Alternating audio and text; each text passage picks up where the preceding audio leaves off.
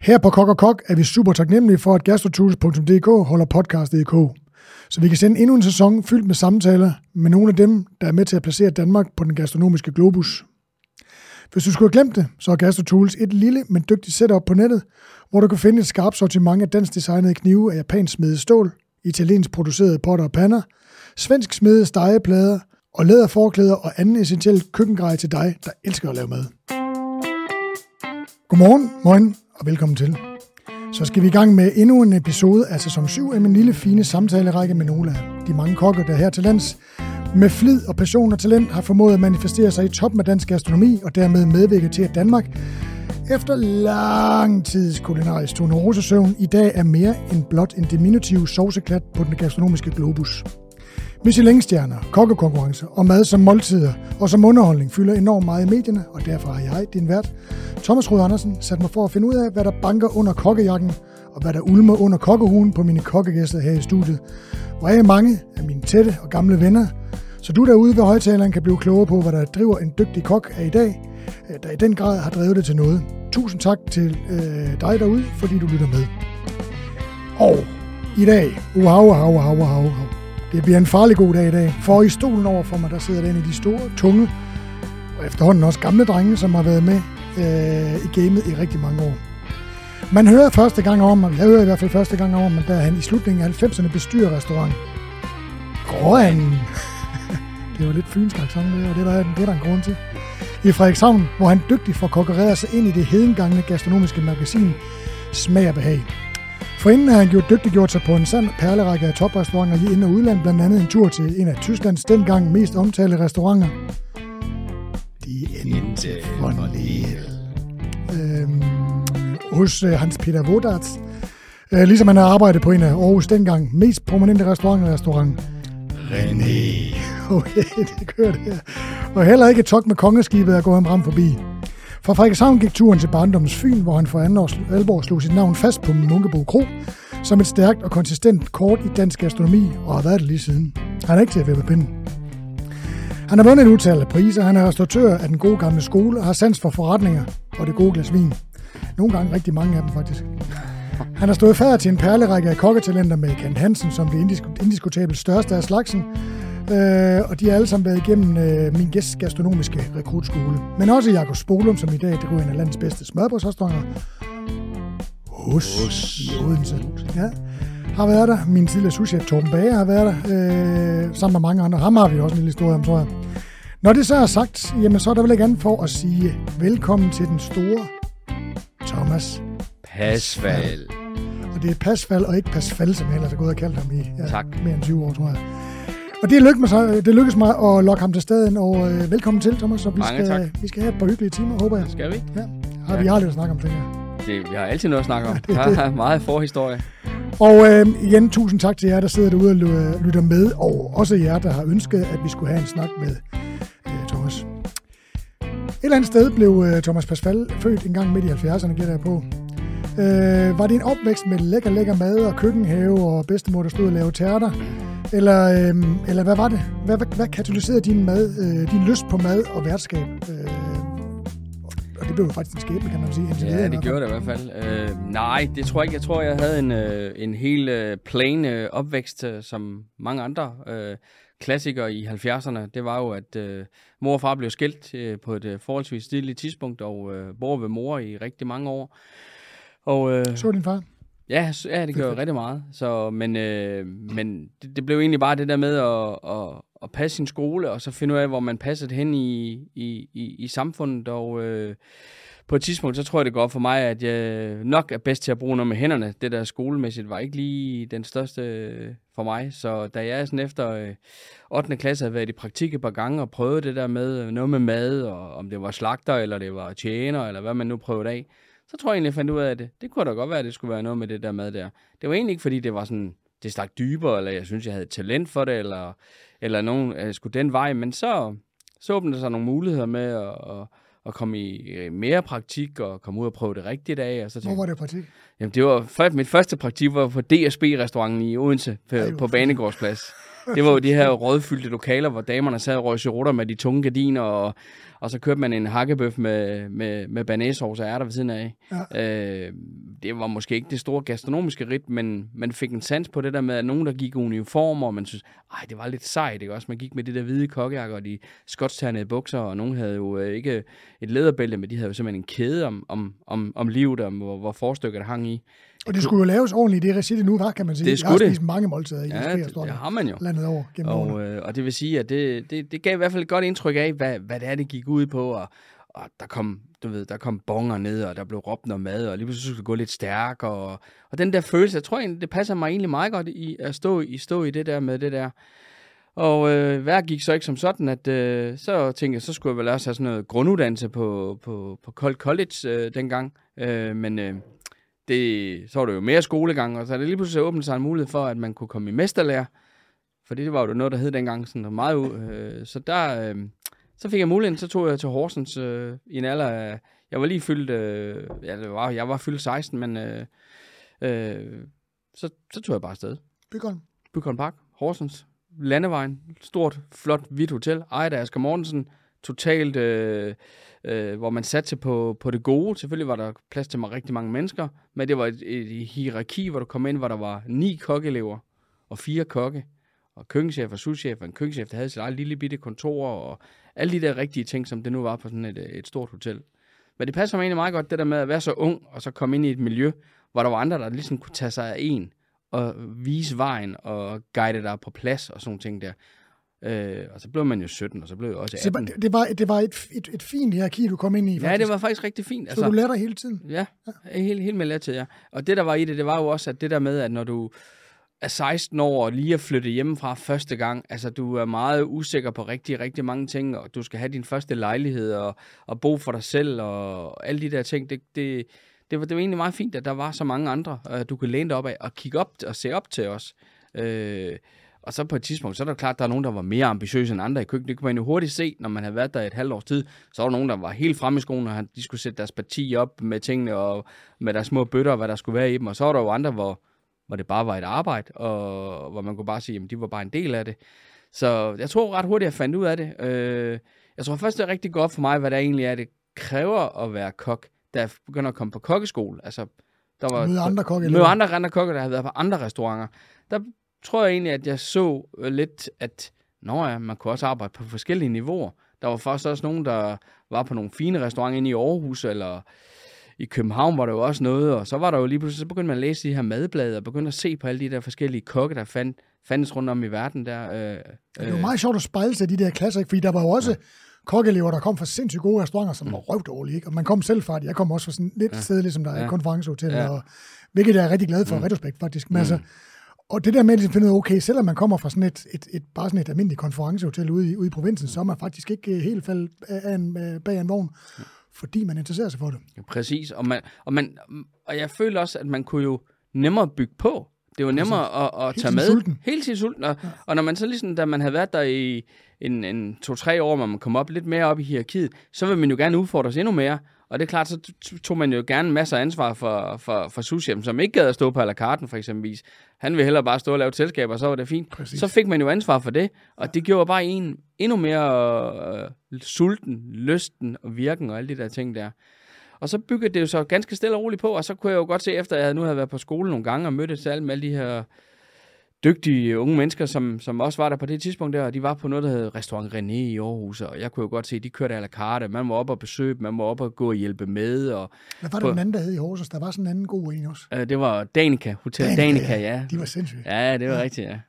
Øh, Jeg ved, om det findes endnu. Det var jo virkelig, altså de Ja, var jo det- hele tiden i bladene. Og det var det. De var fremme der i, i, der Sten, i. Stens, ja, Ja. det gjorde han, ja. Øh, han, Crazy. han lever stadigvæk. Ja, det gør det. Men det er sjovt, altså det der med, øh, og- jeg, vi har faktisk brugt rigtig meget tid i her i programmet, fordi jeg håber også, der sidder en masse unge lyttere derude, der er kokkeelever, og nogen, der måske gerne vil være i kokkelærer. Det der med også at være som, som jeg flyttede godt nok rundt med, med den samme mm. køkkenchef, så, så det var lidt det samme, men altså det der med at, at ligesom at passe ind i et hierarki, man behøver ikke at komme Øh, altså, no, nogle gange har man jo nærmest indtryk af, at når kokkeelever starter i vores dage i lærer, ikke, så går de, spørger de, altså, hvor, hvor er kameraerne henne? Er det, er det Ja, ja, tv-køkkenet, de er med? ja. Ikke? Altså, her er det altså, det er altså sindssygt hårdt arbejde og interesse, øh, og også interessetimer, der gør, at man får lov til lige at overtage la karten efter, i stedet for souschefen, ikke? Og han vil jo bare Jeg vil hellere gerne lave noget andet, ja. ja. Ja, men det er rigtigt, og man kan sige, sådan som, som, som det er i dag, eller som når jeg så også ser bagspejl med det, jeg synes også, at jeg fik en meget bred og alsidig uddannelse, og det gjorde mig egentlig meget stærkere til at, at stå imod med alt det andet, ikke? For hvis I i en dag, en alder 50 år, skal tage nogle udfordringer på nogle store arrangementer, eller nogle andre ting, eller skal vise nogle drenge og skære laks til til mange mennesker, jamen så, så, så kan man det, fordi det ligger i en, fordi det gjorde man jo dengang, fordi det gjorde man der i sin... Jeg stod ikke og lavede øh, pidifurmad og de ting. Det fandtes jo ikke dengang på den måde, som, som vi arbejdede. Jeg kan måske se en af mine kokke sagde, når jeg stod der og turnerede gulerød, ikke? jeg var fucking god til det, hvor han sagde, Mads, jeg, Thomas, jeg forstår simpelthen ikke, du gider bøvle med det der.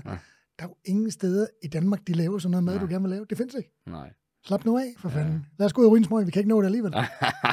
det var en god holdning, jo. Ja. det var, og han var ja. iskold. Ja. Vi nåede det altid. Altså, vi havde det rigtig godt. Jo, jo den gode Jens Peter Nørgaard og jeg, ja. men, men altså prøv at tænke at sige den der, ikke? Altså, skal vi ud i en smøg? Vi kan ikke ja. nå det alligevel. Nej. Ja, så gør vi det.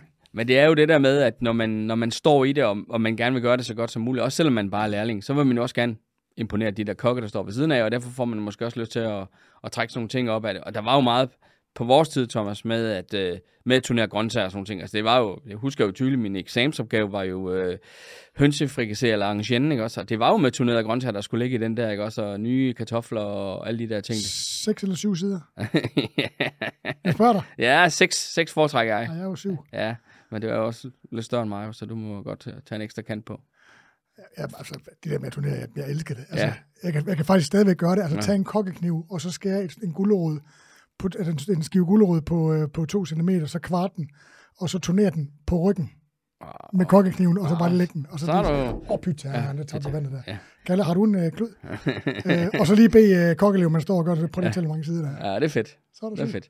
Vi gik jo meget op i det, jeg var i lærer. Der var, der var en kamp om at kunne turnere, ikke turnere, øh, kanelere champignon. Kan du stadigvæk det? Det kan jeg stadigvæk. Prøv lige at forklare lytterne, ja, hvad, hvad ja. det vil sige. Både at turnere faktisk og ja, turnere. Ja, men altså, hvis vi starter med turnering, så er det jo netop det der med at tage en, uh, lave en, en, en, en fast grøntsag og lave den, det der hedder torpedoform, altså med spids i den ene ende og, og lidt spids i den anden, og så lave kanter i den. Ja. Det vil sige, lad kniven gå ned igennem, og så lave kanter på den, så den får en ensartet form. Lige tyk på midten, lige tyk i begge ender.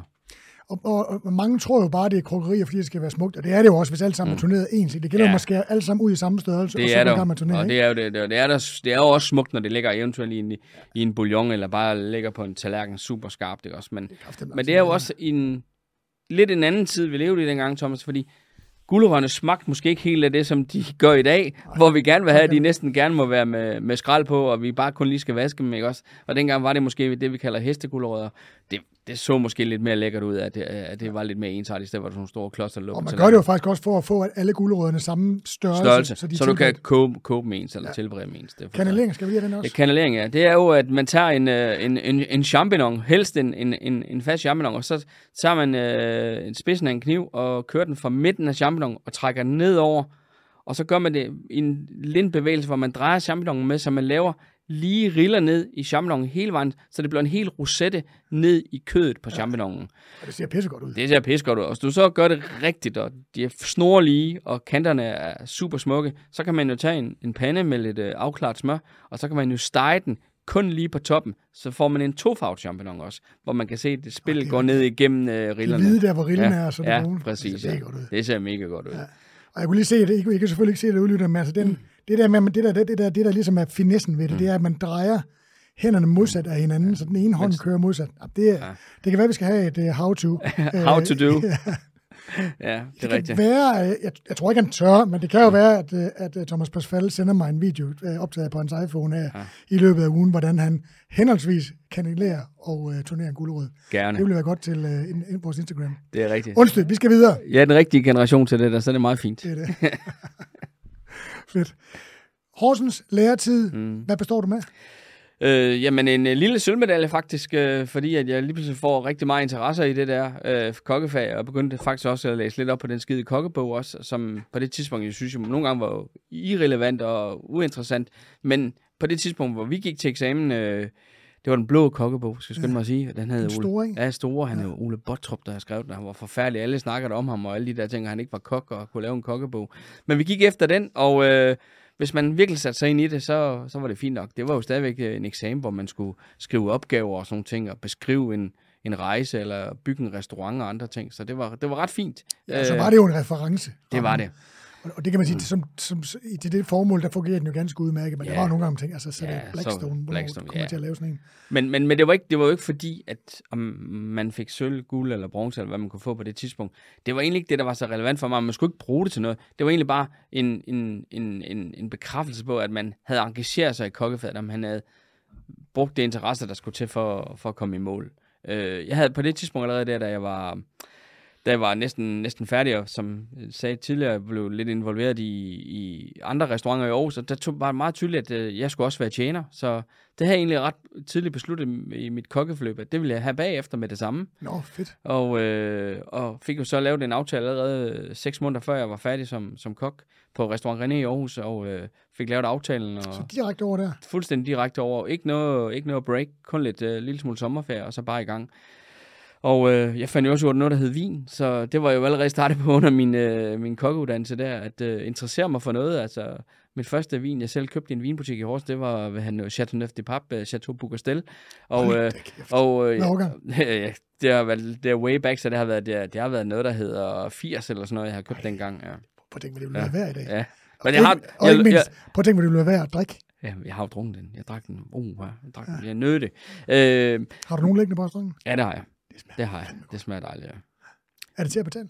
Ja, ja, det er sagtens, det er sige nok. Det er en, en, en lille, lille tusse i dag, tror jeg. Vi ses i Odense. Vi ses i Odense. Men, øh, men når man så får interessen med det, så er man jo godt klar, og så skal man jo lige pludselig sætte sig ind i noget andet. Og selvfølgelig er det en fordel at, at have været kok og alle de der ting, når man så endelig kommer i gang. Men man føler jo stadigvæk, når man sådan står ved, ved disken, hvor de andre kollegaer så begynder at lægge mad op, og du står og skal tage den. Du kunne lige hoppe over og give en hånd med. Det følte man faktisk lidt i starten og man var lidt på lidt dyb vand, når man gik ud der blandt gæsterne. Men når man lige sådan har fået den der hvide skjorte på og butterfly på, så følte man sig jo lige pludselig også som en anden person igen, når man gik på arbejde. Så det var egentlig ret cool at, at, at forstå, hvad der foregik der bagved, når de hang, eller når man kaldte noget, eller hvis man om man skulle kalde af mysen og andre de der ting. Fordi man havde jo egentlig en rigtig super forståelse for, hvis de var presset. Ja. Øh, Gav de respekt? Så, lidt tror jeg faktisk, fordi de altid henvendte sig til mig, som der var andre, øh, andre tjenerlever, der var også restaurantchef og andre ting, men hvor de sagde, rolig nu, spørg nu lige kokken af. De, I kan godt se, vi står her og ordner de her jomformer, det tager lige lidt længere tid. Men du så vel også de ting, fordi det, det skal man jo også lige huske som kok, ikke? det er ikke kun tjeneren, der er irriterende. Det er det ikke. Og der er, lad mig bare sige det, med frygt for at blive øh, øh, ja, døbet i tæer og, og rullet i fjer, så er der, altså, der er fandme mange kokke, der er nogle frygtelige gællinger. Det er der, og de er også, nogen kan jo godt blive lidt pigefornærmet.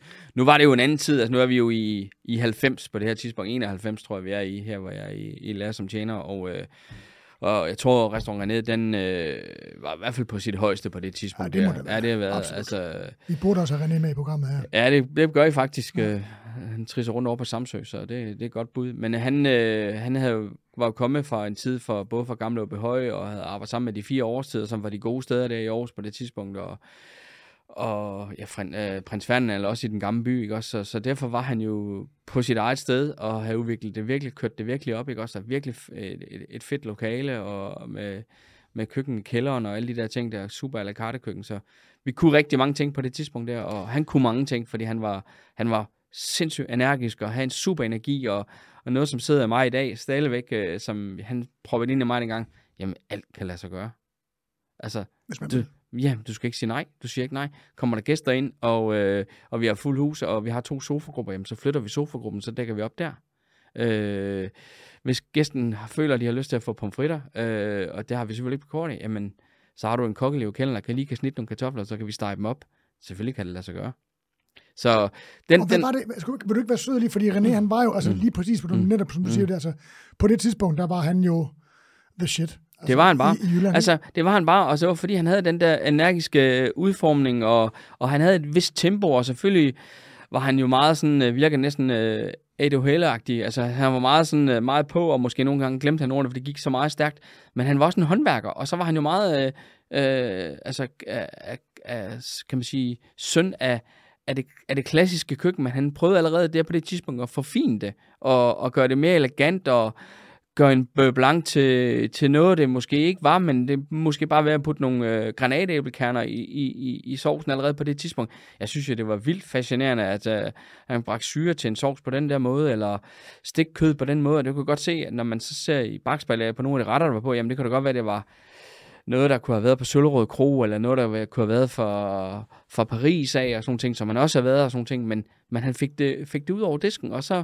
Men jeg så, husker det bare som om, at, at han havde lidt en... Altså, der var nogen, ligesom du ved, så var hørt Kong Hans Lede Kro, mm. øh, øh, Parkhuset, så kørte de den der, der var sådan, der var sådan nogle fraktioner, ikke? mm, Og der var også i Aarhus, var der også, øh, der var de fire årstider, og der, ja. Var, sådan, der var sådan nogle, der kørte lidt, de, altså, de, hvor tingene kørte sådan lidt på samme måde, ikke? mm, Som jeg lige husker det, når jeg så hans ting, jeg kan huske et, et billede i smag på her engang, hvor der var et eller andet, hvor der var sådan en fiskesuppe med, en- hvor der bare stak sådan en fiskehale opad, hvor jeg tænkte, okay, det var Ja. sgu alligevel. Ja. Alle de andre så gør det så fint. Ja. Det her, det er fint, men han giver det alligevel hans egen lille... det gjorde han Jeg nemlig. husker det bare som om, han havde helt hans egen stil. Ja, det er også rigtigt. Øh, apropos smag og behag, på et tidspunkt så blev han interviewet, og så siger han så, sådan blev jeg god til kyllingelår. Og øh, det forklarer han jo med, at, øh, at han havde været igennem en, en svær skilsmisse, og han havde jo de der ambitioner om den her restaurant her, og han ville bare fremad, og øh, pengene var små, men han ville bare gerne lave noget dejligt mad. Jamen, så måtte han i stedet for sats på polartebryster, så måtte han udnytte lårene til noget. Og det, det, det, det gik han meget op i det der med at også at kunne forvælge en råvare til at være noget lidt mere ekstraordinært, selvom det måske var en sekundær råvare. Øh, og det gav noget. Men det er det også. Altså nu, igen, nogle gange så jamen, øh, kommer man til at sige noget i det her program, som måske kan støde nogen, og det er ikke mm. på den måde mening. Men altså, jeg har det sådan lidt nogle gange, altså, jamen, altså, hvis man alle sammen bare knaller 25 gram kaviar oven på en ret, det, det er ikke svært, vel? Nej, og det, det at er få det, en det, super det, flot ret ud af at få en, altså en, et kyllinge overlov tilberedt så lækkert, at gæsten siger, wow, altså det vil jeg faktisk hellere have en kaviar. Ja, det synes jeg var sjovt. Og det er det også. Og, og det er jo desværre rigtigt, som du siger, Thomas. Sådan er det desværre blevet. Altså er det der med, jamen, øh, vi alle sammen kan jo lave, vi alle sammen kan jo lave pikvar, men er det ikke måske sjovt at lave øh, skærising? Altså, den kan også noget, ikke også? Øh, det er Bruger bare, du, bruger du, altså du laver selvfølgelig også pikvarer, for det er jo også mm. noget med, altså, ens, øh, hvad ens kunder efterspørger, mm. men er du, er du god til at lave de her inferiøre fisk? Ja, det synes, det synes jeg. Det synes jeg egentlig altid har været. Altså, jeg er rigtig god til at trække de der ting op. Altså, fjæsing, rødfisk, øh, de der lidt sekundære fisk, altså kulmule, øh, Men prøv lige at sige mig, prøv lige alle de lækre fisk, nu har du Ja. nævnt faktisk Ja. en, en del Ja. med skærising og Ja. af de her inferiøre fisk. Der er nogle, altså langt de fleste smager jo virkelig godt, hvis de bliver lavet rigtigt. Ja. Der er et par stykker, der smager virkelig dårligt. Kan du, Ja. kan du lige smide et par af dem, man skal holde sig fra? Ja, det kan man godt gøre. Altså, altså jeg vil sige, at øh, laks, den kommer på, på, på min top 10 i hvert fald, ikke også? Altså, det, det, det har man fået for meget af, og det... Puh, nej, det er ikke nødvendigt at, at have det. Mørksej. Mørksej, ja. Den stik mørksej er måske heller ikke det mest lækre, men, men en mørksej fiskefridelle kan godt smage godt. Det er noget helt Ja, andet. Ikke også? Men der kan man også arbejde lidt med den? Ja.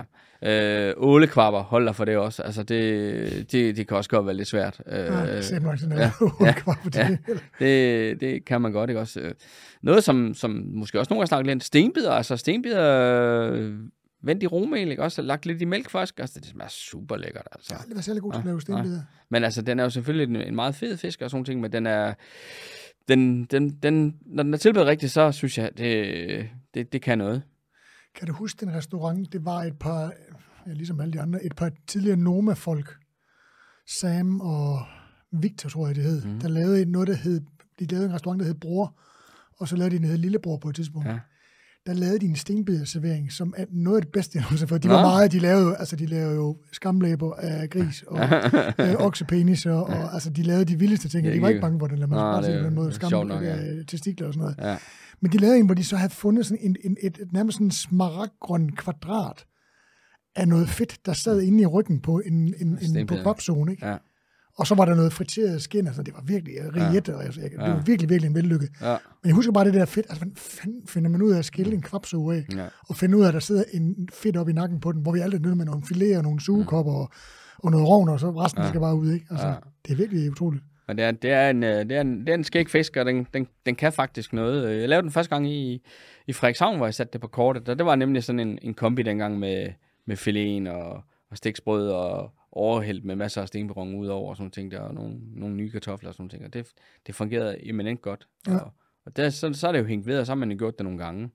Øh, en anden fisk, som jeg ikke har lavet ret meget i Danmark, som jeg øh, egentlig også var meget begejstret for, det var faktisk noget, jeg arbejdede med i Tyskland. Det var altså suder, øh, valler, som de kaldte det dernede, som er en, Nej, Valler er, nej, Valler er, øhm, hvad fanden hedder den catfish på engelsk? Malle. Mallet, ja, det er rigtigt. Det er Det rigtigt. Ja, det er rigtigt, ja. Men vi lavede, vi lavede også suder, og de, øh, så fik vi dem hjem levende, så skulle vi jo selv øh, afleve dem der med lige at gonke dem i hovedet, ikke også? Øh, og det, det synes jeg jo også var en, en totalt fed fisk også, ikke også? Ja. Ligesom så meget andet, men, men det var... Karper, sude, Ja. malle, det, Mm. mm. det er sådan lidt. Men det er jo fordi, at det er jo, det er jo altså det er i Mellem-Europa også, da Mm. jeg var i Øster, det var lidt det samme, ikke? Der havde ja. Ja. også alle de der mystiske ja. Fisk. Det. ferskvandsfisk, ikke? Ja. Altså både fra øer, og, og, eller fra søer og fra floder og elve, ja. ikke? Altså, Men det, det, det kunne noget, synes jeg i hvert fald, ikke også? Øh. malle, malle synes jeg var lidt, jeg synes, det var lidt, jeg synes, det var lidt bakse. og så på det tidspunkt, der lavede jeg jo også, øh, hvad hedder det nu, øh, stør også, som man jo næsten ikke ser nogen steder i dag. Altså kun hvis du er ude i Europa, ikke også? Ja. Øh, men øh, dengang på det tidspunkt, det var før, at alle kaviar var opdræt og alle de der ting der. Men der kunne man jo få, øh, få, få stør ind og få størfilet og sådan nogle ting der. Men lærte du det at lave, lave det i Tyskland også? Jeg lærte lave også at lave stør, ja. Men det kommer jo tilbage til. ja. Men det var Tyskland. Også en, en, en, også en fisk med udfordring i at arbejde med. Ja, den, den ligner ikke de andre. Det er bare det, nu bevæger vi os lige lidt væk fra pikvaren. Det var det, jeg mener. Nu Ja. er vi ude i nogle, nogle Ja, fisk, fedt. Der er nok øh, rimelig mange øh, kokkelever, der nok ikke har set en, øh, en øh, levende stør. Øh, det tænker jeg ikke rigtigt. Det er ikke det, der sådan lige øh, kommer så mest fremad. Men man kan sige, at man, når alt- man skal have alt det kaviar, som, man, Mm. som kokken i dag bruger Så til at skal koge, der- så skal der satme også bruges noget. Ja. Man skal jo bruge det hele, kan man sige. Ja, det synes man. Det synes man. Du er færdig øh, i tjenerlærer. H- Hvordan var det, var det nemt at vælge? Man kan sige, du har jo egentlig beholdt begge kasketter på, kan man sige, gennem det meste af det virke, for du har jo egentlig været vært, restauratør, det meste af din tid efterfølgende. Mm. Mm. Hvad skete der efter, du, øh, du øh, var færdig tjenerlærer? Jamen, der skete det, at jeg tror egentlig faktisk, at der sker det, at man, man allerede på det tidspunkt, hvor man alle er som tjener, tror jeg, at der har jeg fået den der interesse for, for, for det her kokkefag og branchen og livsstilen og det hele. Så jeg tror egentlig, jeg gør med mig selv, at på et eller andet tidspunkt skal det her ind med, at jeg skal have mit eget. Jeg skal have bestemt selv, og jeg skal, jeg skal se, hvad der foregår inde ved gæsterne. Jeg skal kunne se, hvad der foregår i køkkenet, og, og øh, derfor får jeg også øh, den her lidt passion for det her dejlige vin her, og Ters øh, blev optaget i Sommelierforeningen og bygger på med alle de der ting der. Øh, og øh, da jeg så er færdig, så, så, så er jeg faktisk ikke i tvivl om, at jeg skal være en bedre kok. Ikke, at jeg ikke var en god kok. Jeg var en god, habil kok. Men jeg har slet ikke øh, udøvet mit... Øh, Fuldt potentiale. nej, og på nogen måde. Altså, jeg havde bare taget min uddannelse og kunne alle en masse grund, grundting. Jeg kunne sagtens gå ud og lave et, øh, en fødselsdag til, til 50 kuverter og lave dejlig mad og sådan nogle ting der. Men jeg kunne stadigvæk godt se, at der var andre, der kunne meget mere, end jeg kunne. Og øh, det var jo egentlig, fordi jeg ikke havde fået det set. Så der starter jo egentlig det der med, at øh, man har alle de her madmagasiner og alle de her ting, så begynder man at, at søge interessen i alle de der ting der. Men jeg er også nået en, en alder, hvor jeg er blevet 22 år, og jeg tænker også, at øh, hvis jeg skulle, skulle nå at opleve verden og andre ting, og ud og, og sådan nogle ting, og der var jeg jo lige sådan begyndt at kigge lidt til en, en høj mørkhåret pige, der også var på, på restauranten i Aarhus, og som havde besluttet sig for, at hun ville tage til Tyskland og havde fået et arbejde på et hotel. Når I mødte hinanden der. Vi mødte, mødte hinanden i, på, på restauranten. Og det er din eks hustru. Det er min ekshustru, Anne-Sophie, ja. Det er Ja. rigtigt, ja. Øhm, og så hun tager det ned øh, i forsommeren. Jeg er ikke helt uddannet endnu. Jeg bliver først uddannet i sommeren. Og, øh, og så tager jeg sommeren og hygger mig og tager på noget vinrejse og andre ting. Og så på, ringer hun til mig og siger, kom nu ned, og der er en øh, tostjerne Michelin-restaurant hernede, og køkkenchef vil gerne se dig, og sådan ting. Ah, så i Tyskland, der skal man vist ikke arbejde i, tænker jeg sådan rigtigt der. Jeg havde jo tænkt, at jeg skulle til Frankrig, eller til Belgien og andre ting. Men, Skal man lige huske på, at i mange, mange, mange, altså måske 30-40 år, der har det jo været sådan, at den bedste franske mad, Mm. den fik man jo faktisk i Tyskland. Ja, jamen, det er rigtigt. Jeg tager også derhen, og øh, det ender jo så med, at jeg sidder og snakker med den der køkkenchef der, og øh, han snakker faktisk rigtig meget, meget tysk. Og øh, jeg har kun haft øh, tysk i ni år i, i grundskolen, så, så det var jo lidt svært lige at komme igennem alle samtalerne. Men en, en af spørgsmål, han stiller mig, du stiller lidt det samme, lige da vi startede udsendelsen her i dag, så siger du så, hvad, var der noget grundlæggende for, hvorfor du blev kok i din familie? Og det er jo meget typisk tysk, fordi at alle de tyske kokkelever næsten, ikke også? Det er jo, at alle deres forældre har et, øh, et, et landschaft, og så, så skal eleverne også have en uddannelse, og så skal de ud på nogle store hoteller eller store restauranter, have en grunduddannelse, så de kan komme tilbage og overtage hotellet. Så derfor spørger han jo selvfølgelig meget om det også. Så det er jo, der må jeg jo så svare af lille kok fra Danmark af, at øh, nej, det har jeg faktisk ikke, men jeg kan godt lide at mad og sådan, sådan lidt der. Men jeg fik chancen, og det var, det var fantastisk. Øh, de endte von Lehl går ud ja, fra, det var. det ikke? var endte formuleret i Wiesbaden. Som var- et, et, i mange, mange år. Jeg ved faktisk ikke, hvordan Mm. det endte med dem, men altså, Mm. Hans Peter Wodarts der, og stedet var jo altså top of the sh- Det var det, talk. Øh, Det var det, ja i mange, mange år. Altså, formentlig. Jamen det var det jo. Hans Peter Wardhaus kom jo fra, fra München af, og så blev han jo egentlig hentet op. Altså Formel 1, det betyder en by, bydel i München, og øh, han blev hentet ned til Frankfurt. Der var selvfølgelig ikke langt, fordi øh, vi er jo i Sydtyskland der på det. Øh, og han får skabt sådan et øh, meget ikonisk sted med den der lige endte, altså anden. Øh, og, øh, og det er jo selvfølgelig en, en stor del af, af menukortet, men det er også et sted med 19 kokke på arbejde ad gangen, med opdeling. To stjerner, ikke? To stjerner. Han nåede aldrig for tre, vel? Han nåede aldrig for tre, nej. nej. nej. Øh, og øh, med køkkenchefer, tre souschefer og en, øh, en, en øh, hollandsk øh, restaurantchef, øh, øh, Johannes von Thorn. Øh, fantastisk øh, personlighed og alle de der ting. Og det var jo et meget rigt område, så, hvor restauranten lå i, så der var jo der var virkelig potentiale, og der blev virkelig øh, kørt på. Øh, super sted for mig, men stadigvæk var jeg jo sindssygt grøn, da jeg starter, fordi det kan godt være, at jeg har en tjeneuddannelse, jeg ved lidt om tingene, hvordan tingene foregår, men madmæssigt var jeg slet ikke der. Så jeg starter jo helt forbundet som, øh, som øh, komi, og må egentlig arbejde mig op, og ender så... Komi som, betyder jo principielt ja. egentlig vel elev. Ja, eller, hvad, eller i hvert fald ungkok. ungkok. Meget, meget, meget ungkok. Så kan du, være, kan du, kan du ende op og blive demichef, øh, så hvor du får en lille smule mere ansvar, og så, og så hvis du er heldig, så kan du være chef de parti. Øh, på henholdsfisken, på, på saucen, fisken. på grøntsagerne, på gamanché, på i konditoriet. Det var nemlig meget opdelt, og, og, og det var egentlig fint nok, så man fandt ud af, hvor man var, hvor man var god henne. Øh. Og det var det, nu har vi jo begge to uh, lige efter vores uddannelse været, været afsted, og det der med, prøv lige at fortælle, hvordan det var. Nu kom du jo fra, fra nogle ret gode steder i virkeligheden, altså Bygården Park Hotel med de her altså arbejdet op igennem hierarkiet, mm. øh, fundet ud af, hvad det, hvad det, hvad det, hvad det, hvad det, hvad det gav, mm. og gøre en ekstra indsats. Du har stået i lære på en af Jyllands bedste restauranter dengang.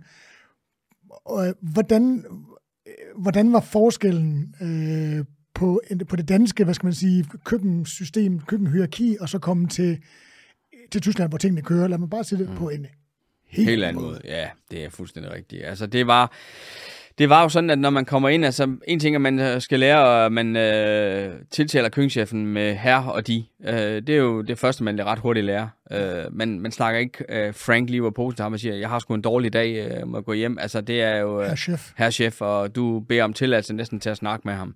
Øh, køkkenchef er jo sådan en, der kun går igennem køkkenet et par gange dagen, så derfor drejer det sig om at have et, et, få et super, super forhold til, til, til souscheferne med det samme, for egentlig at få, få det ikke også. Og så er du altid, bliver du jo tildelt, fordi det er jo som hierarki, som du siger, øh, det parti, som du bliver involveret i, og der er jo som regel en, en lærling på det parti, og der er en demichef, og der er en chef det parti. Og der kan også være en anden komi også. Og så finder du stille og roligt ind. Det er jo ikke sådan, at du render rundt mellem partierne og siger, hej hej, kan jeg lige hjælpe jer? Du holder dit eget parti, og du ved lige nok, det, hvad der skal gøres, og det får du ret hurtigt øh, skruet for, for sugen. Og så om aftenen, så står man jo til hånde, går man jo til hånde med, med chef det parti, og gør alt det, han bærer dig om, øh, for at og, og, og, og komme ind i tingene og for og service. Og service foregår jo på den måde sådan et sted, at det er jo, at øh, der er kun en, der står og råber bong op, og han står bare og kalder tingene frem hele tiden og så skal du bare levere varen. Og det går meget, meget, meget stærkt, og det går på, i det her tilfælde kørte det på tysk, fordi vi var tilbage i den tid, jeg tror faktisk, det kører på engelsk i dag.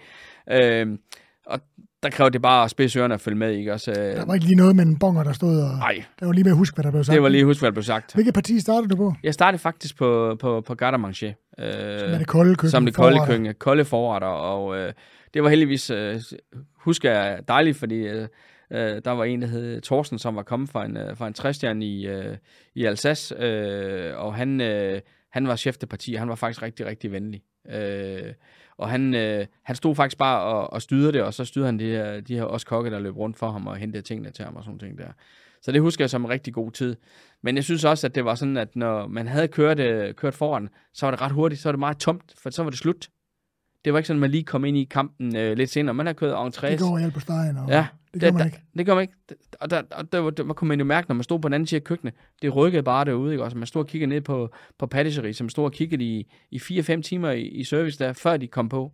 De kom kun på, når de kørte brød. Og jeg synes, det var sådan lidt en, en, en lidt tom følelse, man ikke følte, man var med.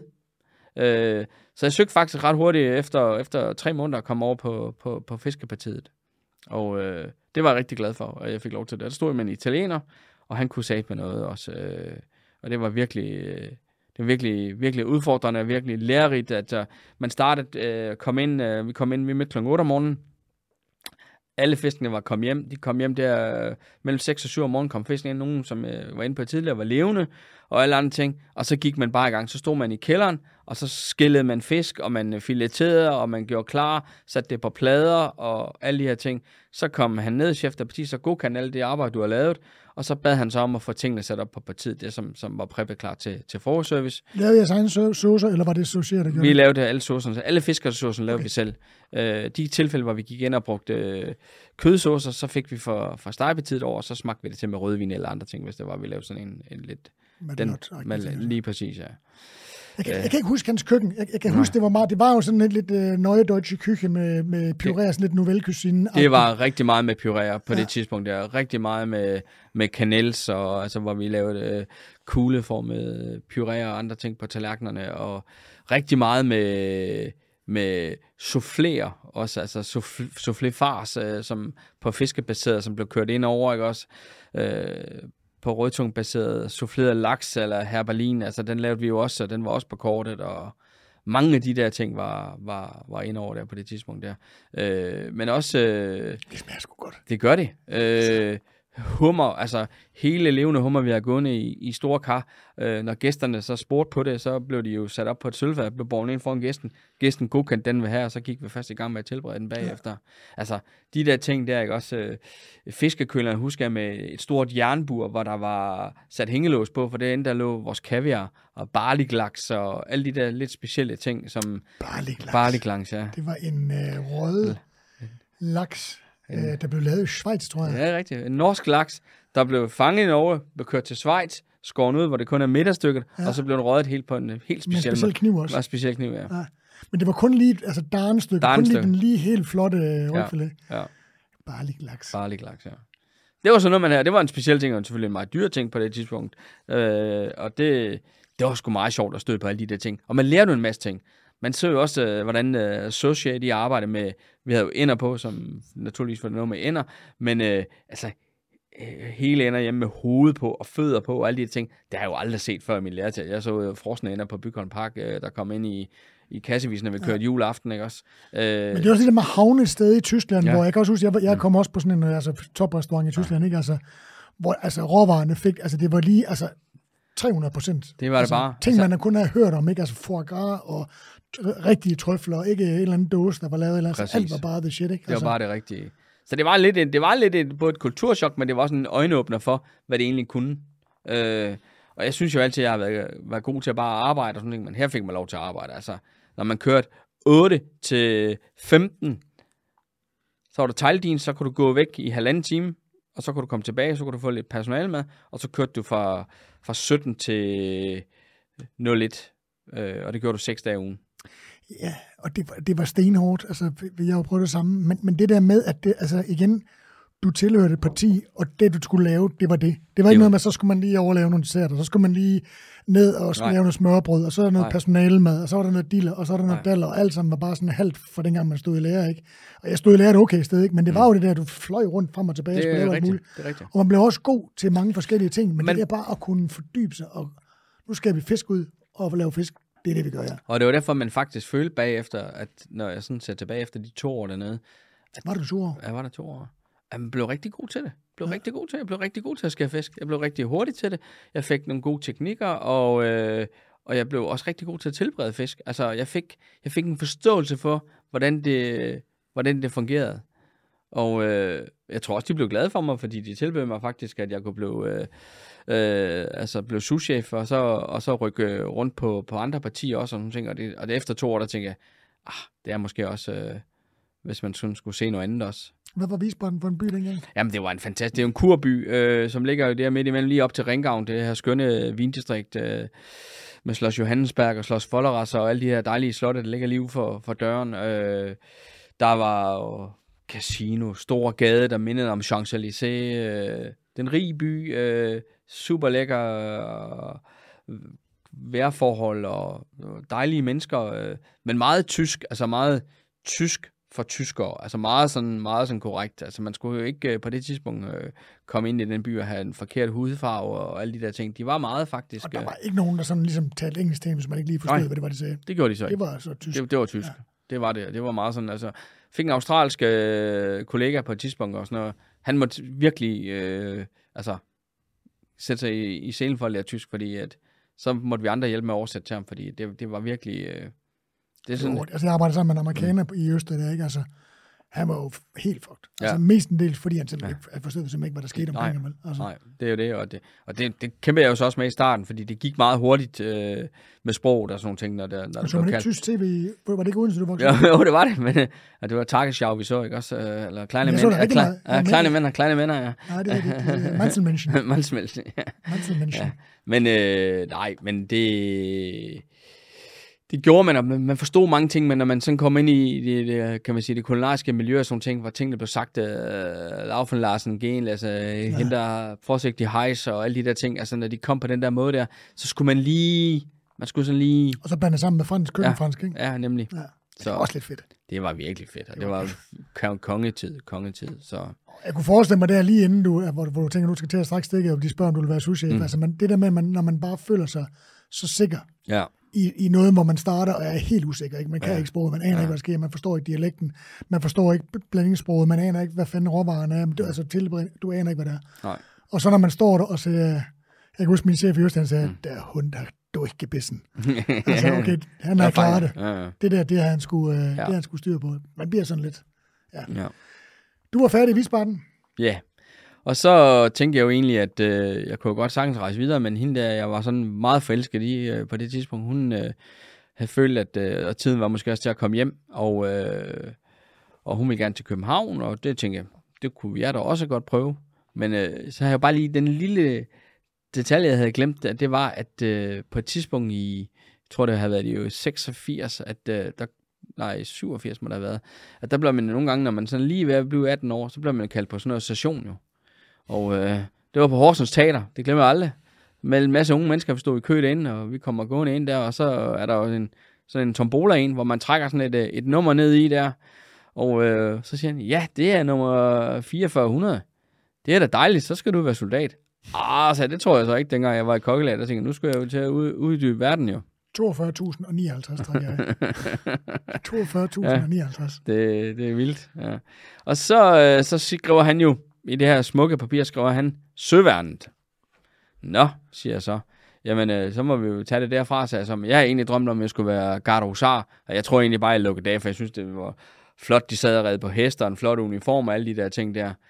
Men øh, ja, ja, det ser vi til den tid, sagde han så. Nu skal du lige være færdig med din kokkeuddannelse. Og, men det stod så i, i de der papirer, lå. Og de der papirer, når man så kommer til Danmark og lander igen, og søger om at få sit øh, sygesikringsbevis, så kommer tingene helt af sig selv ind ad døren. Så der gik ret hurtigt efter, jeg landede. Jeg tror, jeg landede i juli måned. Så fik jeg en indkaldelse til Søværnet 1. januar på Auto, Auto, Autorød Kaserne. Ja. Hvor en del andre deltager i programmet her. Ja. Jakob de Nergård, øh, Thorsten Schmidt, uh, Morten Heiberg har ikke været med, men, men han har også været op over. Mikkel Morbjerg. Mikkel Morbjerg, det er rigtigt, ja. Ja, ja. Var det sammen med ham? Ja, ja, det var det. Vi var inden, vi blev kaldt ind samtidig i januar måned. Vi startede på samme dag stod i det her store glæde, der stod vel 90-110 øh, mærkelige mennesker i, i forskellige øh, beklædninger. Og øh, så blev der jo selvfølgelig spurgt, hvem der var kokke, og der var vi en 7-8 stykker, der var kokke på det tidspunkt der. Og øh, så, øh, så lærer vi jo hinanden at kende ret hurtigt der. Og øh, så starter man jo sin grunduddannelse. Og øh, det var jo ganske fint, og, og sådan en grunduddannelse at, at komme igennem. Det elementære i at være en soldat. Det var hedder bevogtning og nærforsvar engang. Det var dengang uniformerne var rigtig grønne. Lækkert. Og geværet vejede den 7-8 kilo. Øh, nej, men det var, det var fint med sådan en baseuddannelse, men det er klart, da jeg øh, fandt ud af, at jeg skulle være, skulle være soldat, og jeg ikke, egentlig ikke kunne komme ud om det, og kunne gå til lægen og prøve at sige, at man har dårlige knæ, og man ikke rigtig vidste, hvad man havde synes, det passer ind i ens liv og alle de der ting, så, øh, så tænkte man, okay, så, så begyndte man at se muligheden i det. Jeg var jo blevet 24 år på det tidspunkt. Så ja, det, ja det, jeg var faktisk en af de ældste, der var det på det. Om så, og så kan man jo godt se, at når man er inde i januar og søværnet og alle de ting, ja, man kunne måske også, det der Dannebro, det kunne måske også noget. Så jeg gik jo selvfølgelig bare op til ham udstikkerens kontor der anden dagen, jeg havde været der, sagde så, prøv at det er fint, hvis jeg skal være her, så skal jeg på det der kongskib der. Så siger han jo meget flinkere til mig, at vi er ikke i tvivl om, vi har jo læst dine papir, og øh, din alder taget i betragtning, så tænker vi, at det skal nok ikke blive noget problem. Åh, for fedt. Men det tog jeg ikke lige sige til Mikkel Morbjerg dengang. For vi rendte rundt der, og, og, og, så gik der jo efter fire uger, så blev vi jo kaldt til samling, og så skulle man jo så, øh, fik man så at vide, hvilken enhed man skulle være på. Og øh, der var jeg jo meget glad for, at jeg blev udnævnt som øh, hofkok på Dannebro. Det gjorde Mikkel. Ikke, nej. Han Ikke? skulle, han øh, skulle jo på, en, øh, på, et, på sådan et skoleskib, sådan et, hvor de uddanner kadetter til at sætte sejl og lære at styre skibene og sådan noget. Der skulle han være. Sammen med Jonas der. Nej, Jonas han kom på, en, øh, han kom på sådan en minelægger, tror jeg nok. Hans kollega der, der var på, på kommandanten dengang. Øh, de, øh, de var også der, han var også der dengang. Øh, Jonas Mikkelsen, nej. Ja, nej, ikke Jonas Mikkelsen, Jonas. Øh, åh, det kan jeg sgu ikke huske, hvad han til. De var, de var sammen under Francis på, på kommandanten. Ja. Øh, men øh, han, øh, så, og vi, så, det var så fint nok, og vi var delt op, og jeg skulle så træne et andet sted, end han skulle, og sådan noget. Og så mødtes vi på et tidspunkt, så sagde han så, ja, han sgu blevet militærnægter. Han skulle fandme ikke gå og sejle med det der. Så sådan kan det jo gå jo. Altså Ja. undervejs, så man kan få forskellige opfattelser af tingene, hvordan man, hvor man ender hen. Men jeg er også selvfølgelig glad for, at det lykkedes for mig, og øh, det betød jo, at, øh, at militærtiden gik jo meget nemmere, fordi at øh, man havde jo en, noget andet, ikke også? Men det var faktisk første gang min, ja, i seks, altså, ja, seks, seks år på det tidspunkt, ja, at jeg ikke havde lavet mad, faktisk. At jeg lige pludselig rendte rundt og lavede noget andet. Brugte mig selv fysisk og rendte rundt på den der måde der, og skulle have forståelse for noget helt andet og sådan ting. Men det var, set i bagspejl var det fantastisk. Dengang synes jeg, det var latterligt, at jeg skulle ud og grave et hul, og så dække det tilbage efter, og rende rundt ude på, på Vestamager i, i den store skov der i 4 minusgrader, så pas på, at man ikke blev opdaget, og alle de der ting der. Jeg synes, det var mærkeligt, eller sove på hølloft, og hvad fanden vi gjorde. Eller lave mad i en lille kasserolle, og man ikke kunne få det til at smage af noget, og sådan nogle ting der. Men det var jo den tid, og, og alle de der ting, men man så jo frem mod, at man skulle noget. Og så var man jo privilegeret, da man blev valgt til, til kongeskibet. Så blev det jo det der med, at når man så først var, var blevet færdig, eller ved at være færdig, og de andre de skulle gå og lave andre ting, så blev du jo hentet i krone 1 eller krone 2 i, af en privatchauffør der, og så blev du kørt op til slottet. Så skulle du op og sidde og snakke med kondo og introduceres til det, og så blev du taget ud af, af vagtplanen også. For Fortæl lidt om konto er lynhurtigt. Ja, Kondo, han er jo, var jo øh, øh, mangeårig øh, køkkenchef for hendes majestæt og prinsegemalen der. Øh, er japaner, øh, blev dansk gift og flyttede til Danmark for, for rigtig mange. Han kom igennem ambassaden op til Danmark der, og, øh, og gjorde det jo, har gjort det så fantastisk. Og øh, en meget, meget, meget flink fyr. meget, meget, meget flink. Meget, meget flink fyr. Og meget dygtig. Ja. Øh, Tasaki Kondo, ja. Øh, han, øh, han tog mig med åbne arme og gav mig med det samme sindssygt meget ansvar og for min egen øh, planlægning og hvad det er, jeg ville og alle de der ting. Men lærte mig også op i tingene op på slottet, hvordan øh, kongefamilien gerne vil have øh, forplejning på, og hvordan det foregår og vende sig til, jamen alt kørte på fadet, og alt var ikke portionsrettet lige pludselig mere, og hvilken type råvarer de synes godt om, og åbnet op fra, måske noget af det første gang for mig, det der med, at man havde en urtehave lige bagved, hvor man gik ud og fandt de ting, der var der, øh, hvor man var vant til at sidde og kigge på en bestillingsliste. Var det Fredensborg, eller måske? det var Fredensborg. Øh, jeg var på alle slottene faktisk ja. undervejs, øh, men, men det var Fredensborg, jeg blev introduceret til tingene, og så på Amalienborg også, øh, fordi det var jo lidt øh, forår stadigvæk, inden de rykkede derop. Øh, så det var, det, var, det var en virkelig en øjenåbner for mig, øh, også med, med lokale råvarer, men også med at, at have en kommunikation omkring, hvad man er, man skulle servere, og, og man selv, nu skulle man til at sætte menuerne op. Jeg satte jo ikke nogen menuer op i Tyskland. Jeg kom med gode idéer til, til køkkenchefen, hvad, hvad, hvad der kunne være på, på, på, på fiskemenuen dengang dernede, men, men ikke, øh, jeg måtte jo ikke selv øh, lave det. Det måtte jeg her lige pludselig. Så det var, der, der følte jeg faktisk mig sådan lidt, både lidt stolt, men også, øh, nu, nu skulle jeg præstere som mål og øh, Så, så mens, du, mens du simpelthen brillerede der var igennem de kongelige køkkener, så stod Mikkel Morbjerg bare på et eller andet skib og lavede krigskakao og døde fingre til det gjorde han, og, natten. og han kæmpede, han kæmpede, han kæmpede en hård kamp. Men øh, du kan jo se, hvordan det gik ham jo. Ja, det kommer vi til senere. øhm, godt. Stor tid hos kongehuset kæmpe stor tid, og det brugte man jo et år på, øh, og så kan man så sige, der var jeg jo så lidt privilegeret igen at, at jeg var lidt dedikeret. Øh, jeg havde måske fået den der sans for, hvad det, er, det hele her gik ud på, og hvis man nu lige arbejdede lidt ekstra, hvis man viste, at man kunne noget ekstra, så fik man også lov til mange flere ting, og det gjorde jeg jo, altså, så blev jeg jo spurgt, når der var frihed og landlov på, på, på, på kongeskibet, om jeg lige vil tage op og tage en weekend op på Messelsborg, eller jeg vil tage med det på Sato Kajs, eller andre ting, fordi de manglede lige en ekstra kok. Og de vidste, at jeg var inde i tingene, og jeg kunne tingene. Så, så der fik man jo nogle muligheder, og det var jo sindssygt fantastisk, altså at tage på markedet med, med prinskamalen og vælge varer selv øh, i Kajs eller på, op på Marcelsborg Boulevarden og gå og finde varer selv og komme gående ind, og kronen kommer kørende ind, og folk sidder og kigger, hvem er det, hvem går bagerst, og kigger bag lille kokkemand bagerst der med, med kurven og samlet varer ind, hvad han pegede på. Det var jo virkelig fedt, og blev spurgt til rådet, kan vi lave noget med det, og alle de der ting der. Det var virkelig, det var virkelig, virkelig godt for mig. Men, ja, han var en god... Øh, nu, han var en god mentor. Det er jo lige Anverstein, en god ja, gæst. Det må man sige. vidste, hvad han ville have. Han vidste, hvad han ville have, og han gav det også nogle desinger, hvad han godt kunne lide, og, og alle de ting, og han udfordrer mig også, altså at lave et rådyrhjerne, altså havde jeg prøvet det før? Nej, det havde jeg ikke. Havde jeg flækket et kranje på et rådyr før? Nej, det havde jeg ikke, men det gjorde jeg der. Øh, I all med en uh, tomatiseret sauce til og sådan nogle ting. Altså, klokken 4 om morgenen, når de kom hjem fra jagt og stod og lavede sådan nogle ting.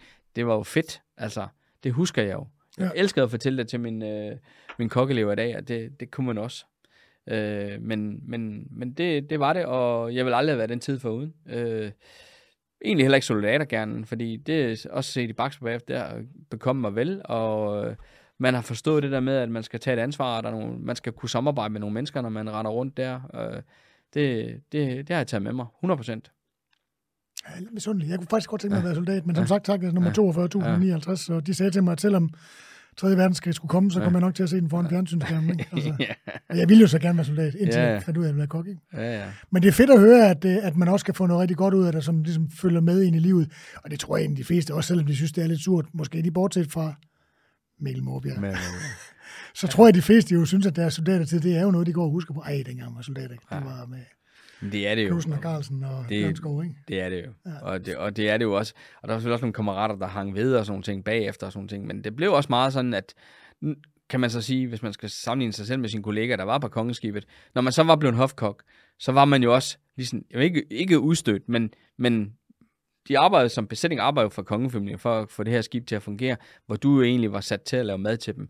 Men du var jo på på en anden måde. Det vil sige, jeg stod ikke lige og trak en fender, når vi var på vej i havn, fordi at øh, der skulle måske lige være noget mad klar. Der kom, Men, øh, der kom, de, lige, kom lige gæster ombord, ikke også? Ham med fenderen, han stod så heller ikke og lavede øh, rådyrhjernen Nej, natten, vel? Nej, det gjorde han nemlig ikke, eller stod op der, og, når de skulle afsted, eller de kom sent hjem og skulle have et eller andet. Så du blev lidt dig selv, øh, så tiden gik også ekstremt hurtigt på grund af den måde der, ikke også? At du, Hvor lang tid var der? Jeg var der, det er ni måneder var man der, ikke også? Og så plus det, så to ved siden af med, med, med kongefamilien der. Så. Stor karriere i Tyskland. Gode lærepladser i Danmark. Kongehuset hvad så? Altså, der må, du, må jo, du må jo stå fuldstændig som en... På gastrotools.dk finder du næsten alt, hvad hjertet kan begære af lækkert køkkenværktøj. Og selvom der allerede er stegepander og stegeplader i kulstofstål i sortimentet, ja, så udvides sortimentet meget snart med en serie af italiensk fremstillede gryder og pander. De er fremstillet i fem lag stål med en kerne af aluminium, som sikrer hurtig og perfekt varmefordeling. De er naturligvis beklædt med rustfri stål, der sikrer holdbarhed og at rengøringen er nem. Hvis du vil vide mere, så tilmeld dig gastrotool.dk's nyhedsbrev, så er du blandt de første, der modtager den gode nyhed om, hvornår de rare sager lander i webshoppen.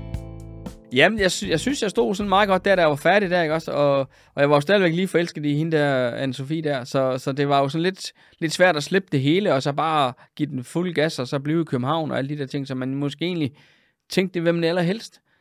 Hun søgte lidt tilbage til mod Nordjylland, fordi at, øh, det var der, hendes familie var, og hun ville måske også gerne have lidt, øh, lidt ro på sit liv. Vi var jo som sagt blevet øh, 26 år på det tidspunkt, ikke også? Øh, jeg tænkte, ja, jeg ville jo gerne, og sådan ting. Og så fik jeg jo hende overtalt til Aalborg, fordi at helt tilfældigt havde jeg haft en Jyllandspost liggende på, på skibet, og jeg havde set, at de søgte kokke i Aalborg. Det var dengang, der var stillingsopslag i, I avisen. I avisen. En trygt avis. En trygt avis. Og øh, jeg ringede til, det var Penny Lane, fisker i, i Sangmangsgade i Aalborg, lige bag Aalborg Teater. Og jeg ringede til ham, og så sagde han, jamen du kan da bare komme forbi og tage en snak, når, når du er der. Så lå skibet på et tidspunkt i Frederikshavn, så tog jeg ned til Aalborg og stod og snak med ham, og så aftalte vi, at jeg kunne starte der fire måneder efter. Og her snakker vi jo en personlighed, som desværre ikke er blandt os ja, mere, den store Henrik Rosdal, som ja. jo er en legende ud over ja. alt, af mange forskellige årsager. Ja. Blandt andet, fordi han var sindssygt god til at lave fisk. Ja, det var han nemlig også, ja. Og så I må have haft en, ja. en god uh, pingpong. Ja, det må og så var han god til noget med vin. Han var uh, specielt at mærke på Gonje i hvert fald. Fra ja. aller, aller, aller, aller, aller, aller øverste hylde. Altid, ja. Hvad var det for en sted dengang? Det var også et, det var okay. Det var et, et ikonisk sted for, for Aalborg, fordi at Henrik var, han var selvlærkok. Han havde, han havde været startet i, i kokkelærer, man var sprunget fra. Nå. Men han var slagteruddannet. Det er rigtigt, ja. Ja. Med. Og øh, det meget Henrik havde til fælles, det var, at way back, øh, hvor han kom fra, fra Skanderborg egen, han kom faktisk fra Horsens af, og det var det, der var lidt sjovt. Men han var i lærer på, han var startet i kokkelærer på Skanderborg Hus. Og Som Skanderborg, også blev ejet af Asger Mortensen. Asger Mortensen lige præcis, Som og kørte galt i Ja. en... meget, meget stor Mercedes. Var det Mercedes? Ja, han havde en Lamborghini også. Nå, det var ja, det. Ja, ja, men det var en Mercedes, han faldt på taget af død, desværre. Øh, men øh, så der havde vi jo meget fælles øh, omkring det, og Henriks familie var, de havde det, der hed Rosdals øh, tekstiludlejning, altså med kokkejakker og, og leveret på Bygholm Park. Så jeg kendte jo Henriks bror og Henriks far og mor, som drev de der ting der. Så der var sådan mange øh, Wow. ligheder lige pludselig, da vi sad der i Aalborg der, hvor han så havde haft det der sted nogle år. Men Henrik har jo startet det der sted, og har jo startet det sådan helt, sådan lidt ala, hvordan starter man et sted, en restaurant, når man ikke har ret mange penge, og man, man ved egentlig godt, hvordan man gerne vil have det, men man har ikke mulighed for det. Så han startede jo helt med teatermenuer, for det lå tæt ved øh, Aalborg Teater, og startede helt straight. Og så har han simpelthen bare udviklet sit køkken til at, at forfine det øh, med rigtig, rigtig meget fisk. Henrik, han øh, var en af de første, jeg, jeg formodede, at han kørte øh, næsten straight øh, kødsovser til al sit fisk. Altså, Ja, hønsefong, kan jeg Ja. huske. Ja. hønsefong, masser af piskefløde, masser af smør. Øh, ikke øh, så meget af de her forfinede fiskesaucer og, og blanc og alle de der ting. Det var, ikke, det var ikke den tid, han kørte. Han kørte et meget kraftigere køkken. Og med masser af smag. Masser af smag hele tiden. Var han god til at lave mad? Han var rigtig god til at lave mad. Øh, han var simpel til at lave mad. Øh, ikke, særlig, ikke særlig godt udviklet på, på dessertdelen, men, øh, men på, på fisk og på, på det der med at få noget smag. Og så elsker han jo for gras. Altså, det gjorde det jo meget nemmere jo. Ja. Ja. At, at være der så, ikke også?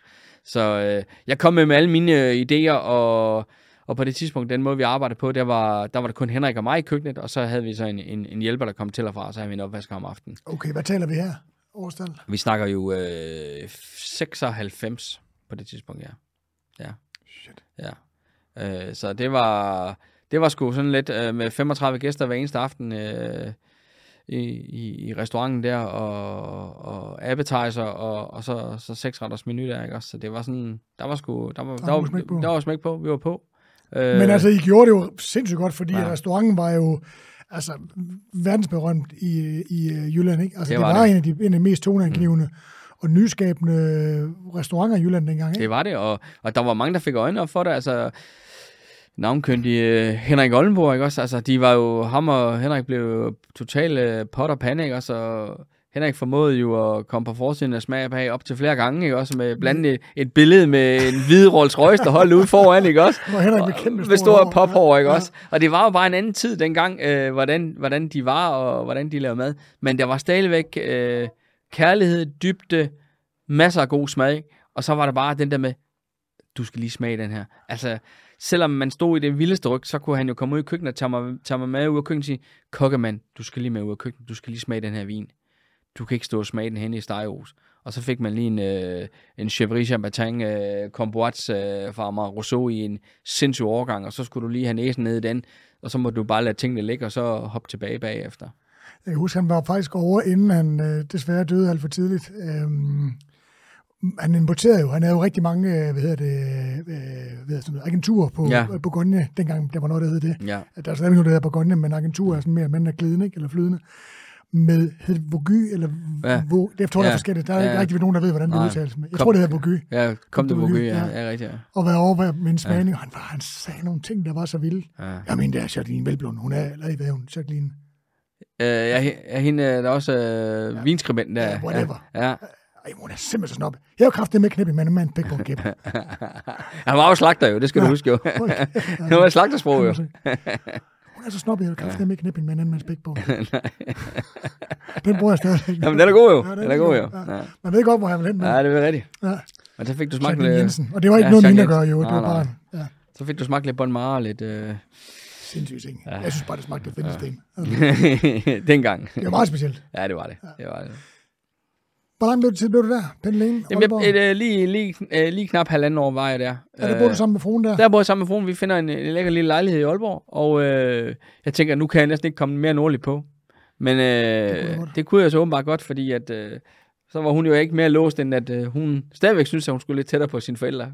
synes jeg jeg kan sige. De boede i, på det tidspunkt i Bindslev op ved Sindal, øh, op på den anden side af Jørgen. Det er meget langt op. Øh, men øh, der sker ikke andet det som år, at øh, der sidder lige pludselig et, et hotelpar øh, fra Frederikshavn. Jeg spiser ind på Penlane, og jeg kommer ind og serverer en ret. Og så siger de, er det dig, der er Thomas? Så siger jeg, øh, ja. Nå, men vi har fået dig anbefalet. Nå, jamen jeg tænkte, jeg arbejder på Henriks restaurant, det var ikke for mig anbefalet. Og så fandt jeg først ud af, at det var jo en, øh, at der var nogen, der sad og holdt øje med, hvad der jeg lavede, og hvordan jeg, hvordan jeg fungerede, fordi ganske kort efter, så fik vi så en, en opringning om, at vi ville komme op og se på en hotelrestaurant op i, i Frederikshavn. Og det ville hende, jeg var, ikke var gift med på det tidspunkt, men det ville hun meget gerne. øh, og jeg tænkte, jeg skal fandme ikke til Frederikshavn. Og du glad for at bo i Aalborg? Det var faktisk. Jeg var faktisk rigtig glad for at bo i Aalborg. Det var jo en, en stor by, ikke en stor by, men det var en by under udvikling, kunne jeg godt se dengang, og det kan man så se i dag, når man kommer tilbage dertil. Men øh, det var faktisk rigtig fint, rigtig hyggeligt, og, ja. og, det, og det var fedt at være det på det her toneangivende sted, ikke også, hvor, hvor jamen, Mortens Kro var først lige blevet opfundet, og det var jo Sjæls Minde øh, ude på den anden side, ikke også, ja. øh, der, der kunne noget, ikke også, eller øh, den stod ude i Rebil Bakker, også hotellet derude, ikke også, der var jo ikke rigtig noget andet, så, så det, var, det var lidt specielt på det tidspunkt, Papagøjehaven, som det, det store sted og sådan noget. Hvide hus. Hvide hus, ja. Og jeg gik jo på skole der. Ja. Så jeg har ja. jo haft min... Åh oh, ja, du har været ude på Utrupvej derude til... Jeg tror, ja. jeg har haft det meste af et, ja. af et år deroppe ja. på fuld pedal. Altså. Jeg nåede jo også at prøve sådan der, den, den der tur, man skal prøve, og det prøvede jeg med Henrik Rosted eller Thomas Lysgaard, det var jo, at man starter den ene side af Jomfru Annika, og så skal man ind på alle steder have en, en lille ting, og så ender man ned på den anden side. Den nåede jeg, den tur der. Overlevede. Overlevede. Jeg havde ikke særlig godt bagefter, må jeg sige. Men uh, det var hyggeligt. Så Aalborg var en god tid. Men vi tog til, til den der snak op i Frederikshavn, og øh, på et tidspunkt, så sidder vi og sidder og snakker, og jeg kan godt se, at det her det er en meget slidt 80'er restaurant, der ligger her på, på Hvad et var det hotel. hotel hed? Jamen, det er Hotel Jutlandia. Ja. Jeg tror, jeg, jeg, tror, jeg gik i kokkeskole med en, der stod i lærer, der, hvor jeg var deroppe og se det, faktisk. ja, det kan godt passe, ja. Det lå nede ved havnen. Det lå på havnepladsen. Havne, nej, ja, det lå faktisk på 6. sal restaurant Okay. på øverste etage. Det lå på havnepladsen 1 lige, lige midt, og øh, jo levet øh, et hotel, der levet famøst godt af alle svenskerne dengang, at de måtte bare komme over og lige at shoppe og købe billigt ind, og så tage tilbage. Nogle tog en overnatning, og så holdt de de vilde fester i weekenden. Det her hotel levede rigtig, rigtig godt af. Køkkenchef var en, der havde været der i 30 år, og var så stoppet og alle de her ting. Og de stod faktisk med en restaurant, de ikke rigtig kunne holde gang i. Og øh, efter nogle gode snakke og andre ting, så fandt vi faktisk ud af, at man kunne få en rolle, uden at man skulle have pengene op ad lommen. Ikke fordi, at vi var begyndt at spare lidt sammen og sådan ting, og drømme jo om, at det, man skulle bestemme lidt selv. Og det var måske det, der tændte mig, det var netop det, at vi fik muligheden for at være det, der hed bestyr. Det vil sige, at man fik en månedlig løn, man blev uregnet et overskud af, hvordan det nu gik, men man fik også lov til sig selv at, at, at sætte tingene op og gøre, som man selv ville. Fik lavet en restaurant, man kunne give et navn, man kunne indrette det lidt anderledes. Selvfølgelig inden for normerne, fordi det var jo ikke din pengepunkt, eller det var din, ikke din egen pengepunkt. Øh, så så da, da vi ligesom var at komme rigtig godt i gang med det der, så synes jeg faktisk, at det, det, det var egentlig rigtigt for mig. Så det var sådan lidt, en, hvad skal man sige, en læreplads i at være Og restauratør. være, ja, at være selvstændig. Det var det nemlig. Det var det. Der var nogen, der lavede dine regnskaber, der var nogen, der, der passede på dig. Du skulle ikke sørge for morgenmad, men du skulle, køre en, du skulle lave frokost, du skulle lave aften, du skulle korrespondere med gæster, du skulle lave menukort, du skulle lave vinkort. øh, Du skulle alle de der ting der, som, som var sindssygt, sindssygt lærerigt øh, på det tidspunkt, man ikke har prøvet at stå med det selv. Var det, var det, hvis du nu skulle se tilbage på det nu, det var en anden tid, mm. og det er en anden, var det godt? Det var rigtig godt. Det var rigtig godt. Det var... Stolt af det den dag i dag? Ja, det er faktisk, øh, fordi at, øh, at, at jeg øh, for første gang fik sat ord på noget mad, jeg havde lyst til at lave. Jeg har jo andre, alle, de, alle de andre gange har jeg jo gået og lavet andres mad, men måske lidt på min egen måde. Men her nu kunne jeg lige pludselig for første gang stjæle noget af alle de andre steder, jeg havde, havde været, og prøve at sætte det ned i noget, jeg puttede på en tallerken foran mig selv. Jeg synes, det var dødfrustrerende. Det var, øh, øh, hvad hedder det? Øh. Ja, og, og altså også øh, tallerkenerne var med rød kant, og hvor jeg tænkte, at alting skulle helst være på hvidt vise allerede dengang, ikke også? Øh, der var der så mange ting, hvor jeg synes, maden ikke kom til sådan rigtig, rigtig udtryk og sådan ting. Men jeg kunne jo så ret set hurtigt efter, at vi fik, fik gang i det igen, og selvfølgelig var det en, en turnaround, og Frederikshavn var jo meget øh, stegte rødspætter med tyttebær og hvide kartofler og persille. Øh, at man ligesom prøvede at lave noget, der var øh, sat op i menuer, og lidt mindre på tallerkenerne, og det, det, det, var egentlig, øh, det, var egentlig, det var egentlig meget godt med responsen og sådan nogle ting der. Altså også for lokalbefolkningen og sådan noget? Ja, det var det, for man fik det vendt og, og, og fik gjort det opmærksom på, hvor man var, ikke også? Øh, og efter et øh, 6-7 måneders tid, jamen så fik øh, øh, den danske spisegar fandt jo også ud af, at man var der, og man blev, øh, man blev det optaget i guiden, og man prøvede det, og, og alle de der ting. Så jeg tænkte egentlig, at man, man fik lagt et fundament for, hvor jeg egentlig hvor jeg er i dag. Øh, ja, det er jo det, altså... Ja. Ja, man kan sige meget om, om uh, Ben Christensen, mm. men, men hvis der er noget, han har været god til gennem alle mm. de her mange, mange år, så er det jo at, at spotte talenter ude i udkants Danmark og ja. vandkants Danmark, hvor ingen mennesker kommer ud ja. over ham, vel? Lige præcis. Det må man trods alt give ham, ja. han er, der har han været god til at ja. have stikke en finger i jorden og have et øre bevæge en dør, ikke, for at finde ud af, hvor, hvor er de Hvor hen er det, ja, ja, lige præcis. Ja, ja, og, og det var fint nok, og, og, og, og selvfølgelig gav det ikke den største udmærkelse til at starte på, men man, jeg tror, man fik, dengang fik man en stjerne eller sådan noget der, øh, og det var sådan set også fint nok. Øh, men jeg var der, og øh, jeg var også helt sikker på, at hende der, som jeg havde været kaster med, som hedder Anne-Sophie, øh, skulle jeg også giftes med, og det var alt den der tid, der kom meget ro på mange ting på det tidspunkt der med, at så skulle man det. Øh, det skulle passes ind, og det skulle planlægges. Øh, men samtidig, så var jeg jo ekstremt ambitiøs, og jeg havde jo begyndt at have virkelig forstået, hvad branchen var, og hvem der rykkede, hvor Thomas Rode arbejdede hen, hvor arbejdede Thomas Hermann hen, og hvor var de hen, alle de der kokke, man selv synes, at man var på niveau med, eller som var på ens alders.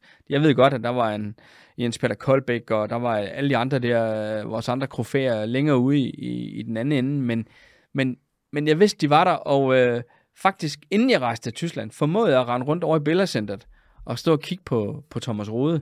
Han stod i sådan en lille et bur af et køkken, hvor han var i en konkurrence.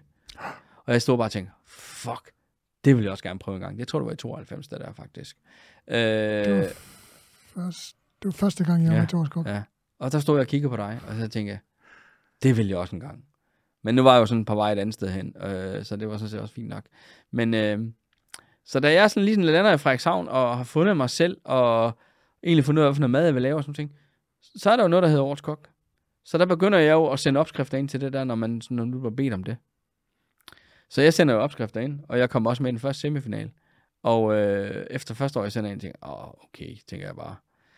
Da jeg står dernede, i, jeg skulle køre hele vejen til Odense. Heldigvis min familie var fra Fyn af, så det var fint nok at køre derned. Men det var jo alligevel stadigvæk fire timers køretur i en bil op fra Frederikshavn af. Så jeg står der en søndag morgen, og jeg laver den der ret der, som man nu skal lave på den time. Det skulle man dengang. Og, øh, og jeg synes egentlig, det var super flot. Indtil jeg får at vide, at jeg kan ikke engang huske, hvem der var dommer dengang. Altså, jeg tror, det var Hans Bæk Thomsen, siger han så. Du skal lige huske at putte salt i din mad, når du nu har kørt fire timer op fra Frederikshavn af. Okay. Så jeg kom desværre ikke med i finalen første gang, og det var jeg jo selvfølgelig nederen over, og jeg tænkte, at... Øh, Nå. Hvor mange gange har du stået og været dommer efterfølgende, hvor ja. tænkte, hvorfor fanden er han ikke kommet selv? Det kan jeg love dig, og jeg har ja. brugt den kommentar mange gange. så, men øh, den bedste, jeg har brugt, det var faktisk en af Per Halmsbæk Kokke, der var oppe på en i går, der var nede til konkurrence, der var gang, hvor vi lavede semifinalen i Aalborg, hvor jeg var dommer, så siger, så, det var en kvindelig køkkenchef, han havde det gang, som var med, så, og, og det var noget, de havde fået noget jomform, og hun havde grillet, var super lækkert, altså, sådan noget ting. Så siger jeg bare, da jeg sådan spiser hendes hummer, så, øh, da jeg sådan bagefter skal komme med en kommentar, det er fandme ærgerligt. Og hun taget hele vejen op for Aalborg, eller op for en går op i Norge, og så har hun valgt at facere jomfruen med sort peber.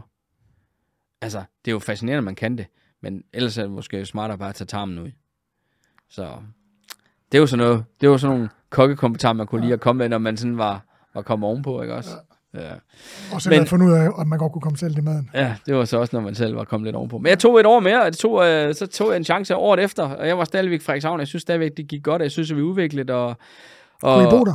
Og vi boede der. Vi boede i Danmarksgade. Ja, kunne I bo der? Synes, det var, altså, var det en ja. by, man gad at bo i? Ja, det var fint nok på det tidspunkt også. Altså, man boede tæt ved vandet, og det kunne noget. Altså, det med, at du stod op og kiggede ud over vandet, altså ud over Frederikshavn Havn og, og alle de ting, og du kan tage ud til Strandbø, du kan tage hurtigt til Skagen, og du havde Sæby på den anden side. Altså, og så er du opland bagvæk også med, med masser af landbrugsarealer og sådan ting. Så det var, det var, egentlig, det var egentlig ret fint. Øh, altså, et specielt folkefærd, men man skulle bare sådan lære at komme ind på, når man sådan var... Men nu havde vi jo, vi var jo sådan lidt, kan man sige, lidt metroseksuelle, fordi vi var ude at rejse, og vi har oplevet rigtig mange ting. Vi har boet i København, vi har boet i Aalborg, vi har boet i, i Tyskland, og jeg var jo egentlig oprindelig Fynbo og sådan ting, og, og Anne-Sophie var jo faktisk øh, og, og fra Nordjylland af, så, så det, det var egentlig, vi fandt os ret, ret godt til rette faktisk.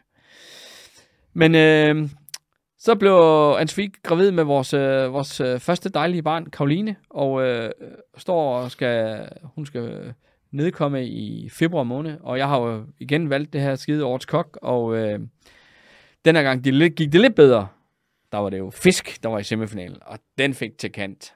Og jeg kom der heldigvis i finalen øh, efter semifinalen i november måned der. Og øh, hun skulle så føde det i februar, og det er også sådan set godt nok, og jeg havde egentlig besluttet, at jeg kunne godt se alle de andre kakker, man gik sammen med, og begyndte det, der kalder at øve, inden man skulle til finalen. Man skulle sådan finde nogle elementer, man kunne lægge på tallerkenen. Udover dem, der blev bestemt af Per Mandrup. Af Per Mandrup, som var den meget øh, bestemmende mand i det der. Øh, så jeg tænkte egentlig, besluttede mig ret hurtigt for, at så ville jeg gå og øve lidt om mandag, når den der restaurant havde lukket.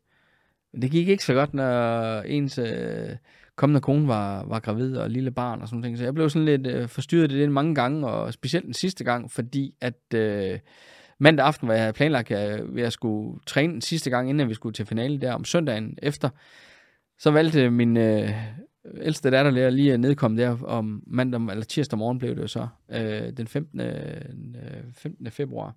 Og øh, det var sådan set også ganske fint øh, at få et barn og alle de ting, men det blev en helt anden omvæltning. Og så tænker jeg jo egentlig, at når jeg skulle til den der konkurrence om søndagen, jeg tænker, at ah, hvor jeg tager bare lige med derned, og så ser jeg lige, hvordan det er, så må jeg skulle give det en chance mere næste år. Men øh, hvad gik egentlig ikke som sådan anden, at øh, det var nogle gode råvarer. Jeg var køkken nummer 10, og øh, det gik da meget godt. Du vandt. Jeg, jeg vandt faktisk. Sådan der. så, så det var, det var sådan set ganske... Hvad, hvad årstal var det? Det var i, øh, det var i 2000. Der kunne Herman ja. jo godt have været med. Det var han også. Han Så blev, du nummer- tævede ham. han tævde ham. Blev nummer tre.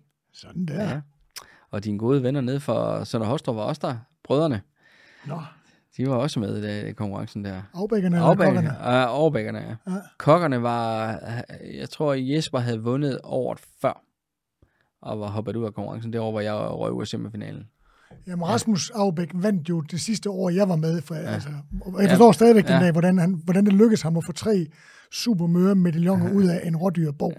Det forstår jeg simpelthen ikke. Nej, men det, det Og, men jeg kan så huske, at det år, der var øh, øh, ære til Mandrup for al hans store arbejde, men det var ikke altid de ting, han valgte til semifinalen, var så, eller til finalen var så fantastisk. Det år, der var der, du skulle lave mad til seks kuverter.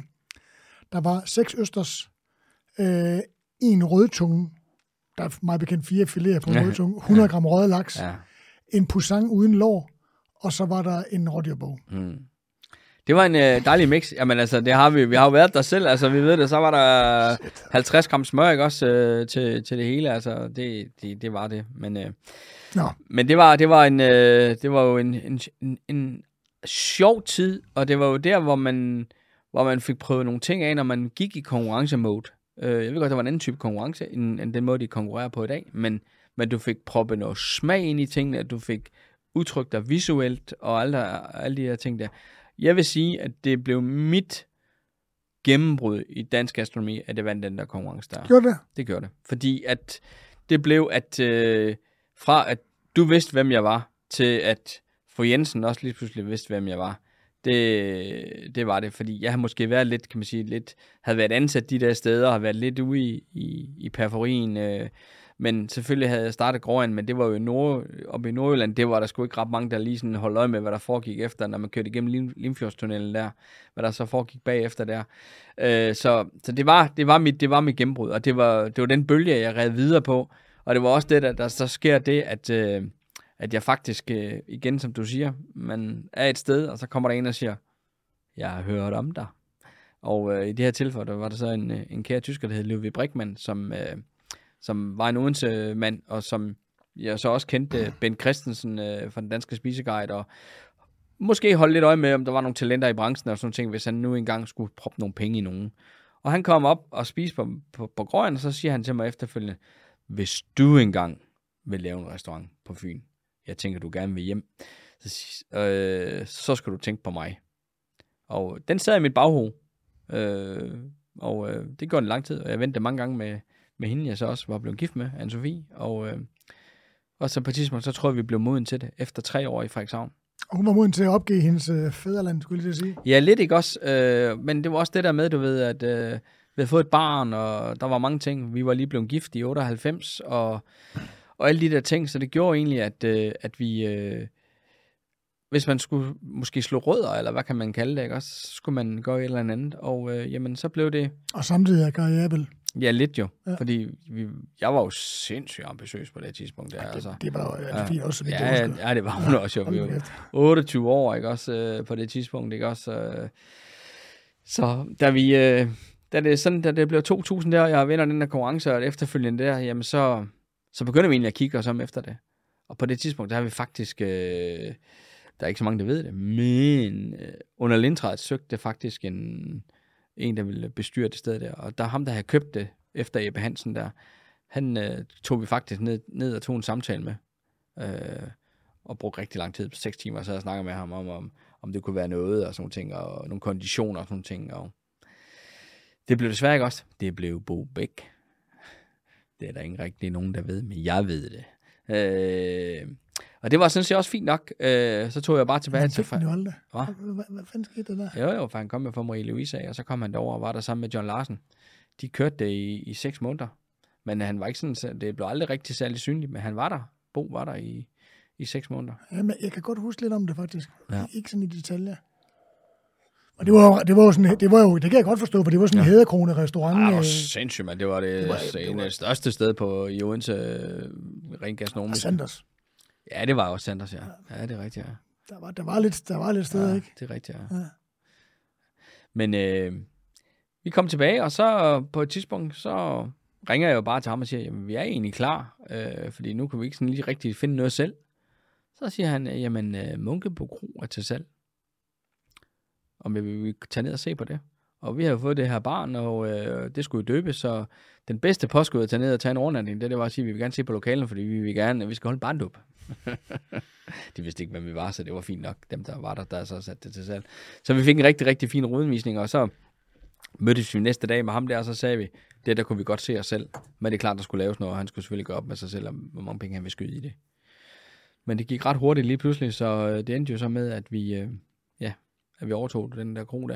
I Og det Park. var, det var vel en ren, relativt re- velrenommeret, men en klassisk kro, eller hvad? Det var meget, det var, det velrenommeret kan du godt sige, fordi det var en kendt kro, men det var en ålekro. Man vidste det lå ved vandet. Det lå ned til, til, til nord, Kærtinger Nord, som øh, øh, render op til, ikke? og så var Kataminde på den ene side, og vi Odense lige på den anden side. Det lå jo som en klassisk landevejskro med, med 24 værelser og stråtag og perlesten. Det var ren Morten Kok, når man sådan kigger på det udefra kommende der. Og det er interessant opland. Meget interessant oplag, ja. Øh, men, men, men også forsømt kro indvendigt. Altså, det stod øh, hen, øh, havde brændt øh, gennem tiden nogle gange og bygget op igen, og stod måske sådan lidt 70'er og 80'er-agtigt indrettet øh, værelserne, en gammel stil og alle andre ting, så, så man kunne godt se, der skulle, der skulle hugges lidt i, hvis, hvis, hvis det skulle blive til noget. Men øh, det gjorde vi, og, og der blev brugt rigtig mange penge, og jeg løb vandret. Altså, jeg løb vandret i, i, i et år, hvor jeg ikke, øh, tror ikke, jeg så min, hende, jeg var gift med, og jeg så heller ikke vores barn. Øh, det, det, gik, det gik rigtig stærkt. Øh, Men det gjorde det jo blandt andet, fordi I var rigtig gode til det hele lavet. ja, men vi, vi kom i gang, og det gik rigtig, rigtig stærkt, og vi fik også noget personale ind, og det blev også etableret, og jeg blev ved med at være ambitiøs, og jeg blev ved med at, at ville bygge på med mere og mere og mere og mere og mere hele tiden. Øh, men jeg fandt, jeg havde, fandt jo min, jeg havde fundet min stil, og jeg fandt ud af, hvordan jeg gerne ville lave mad, og, og det ene og det andet, ikke også? Så det kørte bare slag i slag. Det var vel også, øh, undskyld jeg snager, det var vel også en forretning, man kunne tjene nogle penge i. Jeg mener, der var selskabslokaler. Jeg husker restauranten som ret stor. Øh, der var værelser. Altså Mm. alt i alt, hvis man med sig for et, for et par, og det var jo Mm. mm. et ambitiøst par med hver jeres kompetencer, Mm. var der vel gode, gode mulighed for at lave en god, øh, en god forretning. Jo, men det var der. Helt 100%. Men det, der største problem var i det, det var jo, at jeg ikke ville gå på kompromis. Øh, så ville jeg jo hellere gå den længste vej for at komme i mål med tingene. Så selvfølgelig, når der kom lidt selskaber på, og sådan noget, så var der jo selvfølgelig en, øh, en, en fornuftig øh, omsætning og, og alle de der ting. Men vi var også mange om at lave det. Vi var rigtig mange mennesker om at lave produktet. Der var jo øh, masser af damer, der passede værelserne, og der var øh, receptioner, der var bogholderi, og der var morgenmadsgæster, og det var syv dage i ugen, og der var rigtig meget, så det var det. Bageri. Og, Bageri også, ja. Så det var en, det var en, øh, det var en tung butik, men det var også en butik, der kunne lave, det var en butik, der godt kunne lave noget mønt også. Det var det 100%. Og så havde vi jo det navnkundige øh, øh, Odense Stålskibsværft i baghånden, altså ejet af AP Møller på, på det tidspunkt der, som jo også lavede en masse arrangementer. Det var jo der, hvor det stadigvæk var moderne, at, øh, at når man byggede et nyt skib, Så inviterer man jo en restauratør over, så skulle man lave et stort arrangement, hvor enten dronningen kom, eller en statsminister kom og navngav det her skib. Så lavede man jo nogle store fest, fest, festival ud af det, og, og det var, det var, det var rigtig spændende. Det var det. Var det. Hvordan, øh, hvordan var det, og det er også noget, jeg snakker med rigtig mange af mine gæster om her i programmet, hvordan, hvordan, hvordan var det at være far, forældre, øh, ambitiøse restauratører og prøve at få det der til at balancere. Hvordan, mm. hvordan fungerede det ud over det ene år der, hvor der var fuld smadret på? Jamen, det, det, der kom selvfølgelig en hverdag i tingene, ikke også? Men, men, øh, men det var meget... Øh, det var med ret hurtigt, at fandt vi ud af, at der skulle ansættes en ung pige, fordi Anne-Sophie ville også gerne være på. Så hvis vi lige sådan, sådan begge to skulle være der, og vi havde øh, på det tidspunkt godt nok kun et barn til at starte på, men det blev hurtigt til to. Altså, lille eftermiddagspause, så, så kan man jo nå mange ting jo. Og lave barn. Og lave barn, ja, for eksempel. Så 13 måneder efter, der kom øh, Nicoline, min anden skønne datter, og øh, der kan man godt se, at der var presser man citron lidt. Anne var rigtig god til at få hendes forældre til at flytte fra Nordjylland ned til Fyn, fordi det kunne vi godt se, at det, det var et, et ish. Øh, men øh, det bedste egentlig ved at, at, at drive et sted, hvor man, vi boede på det tidspunkt på en lejlighed lige oven på restauranten, det var jo egentlig, at man var så tæt ved, så man kunne bare lige hurtigt gå op og så være på sofaen, og så havde man faktisk sine børn tæt på. Så man var rigtig tæt på sine børn i, i, i, i de der vågne timer. Men det er klart, men de sjove timer, hvor de tager det første skridt, og alle de ting, den oplever man ikke.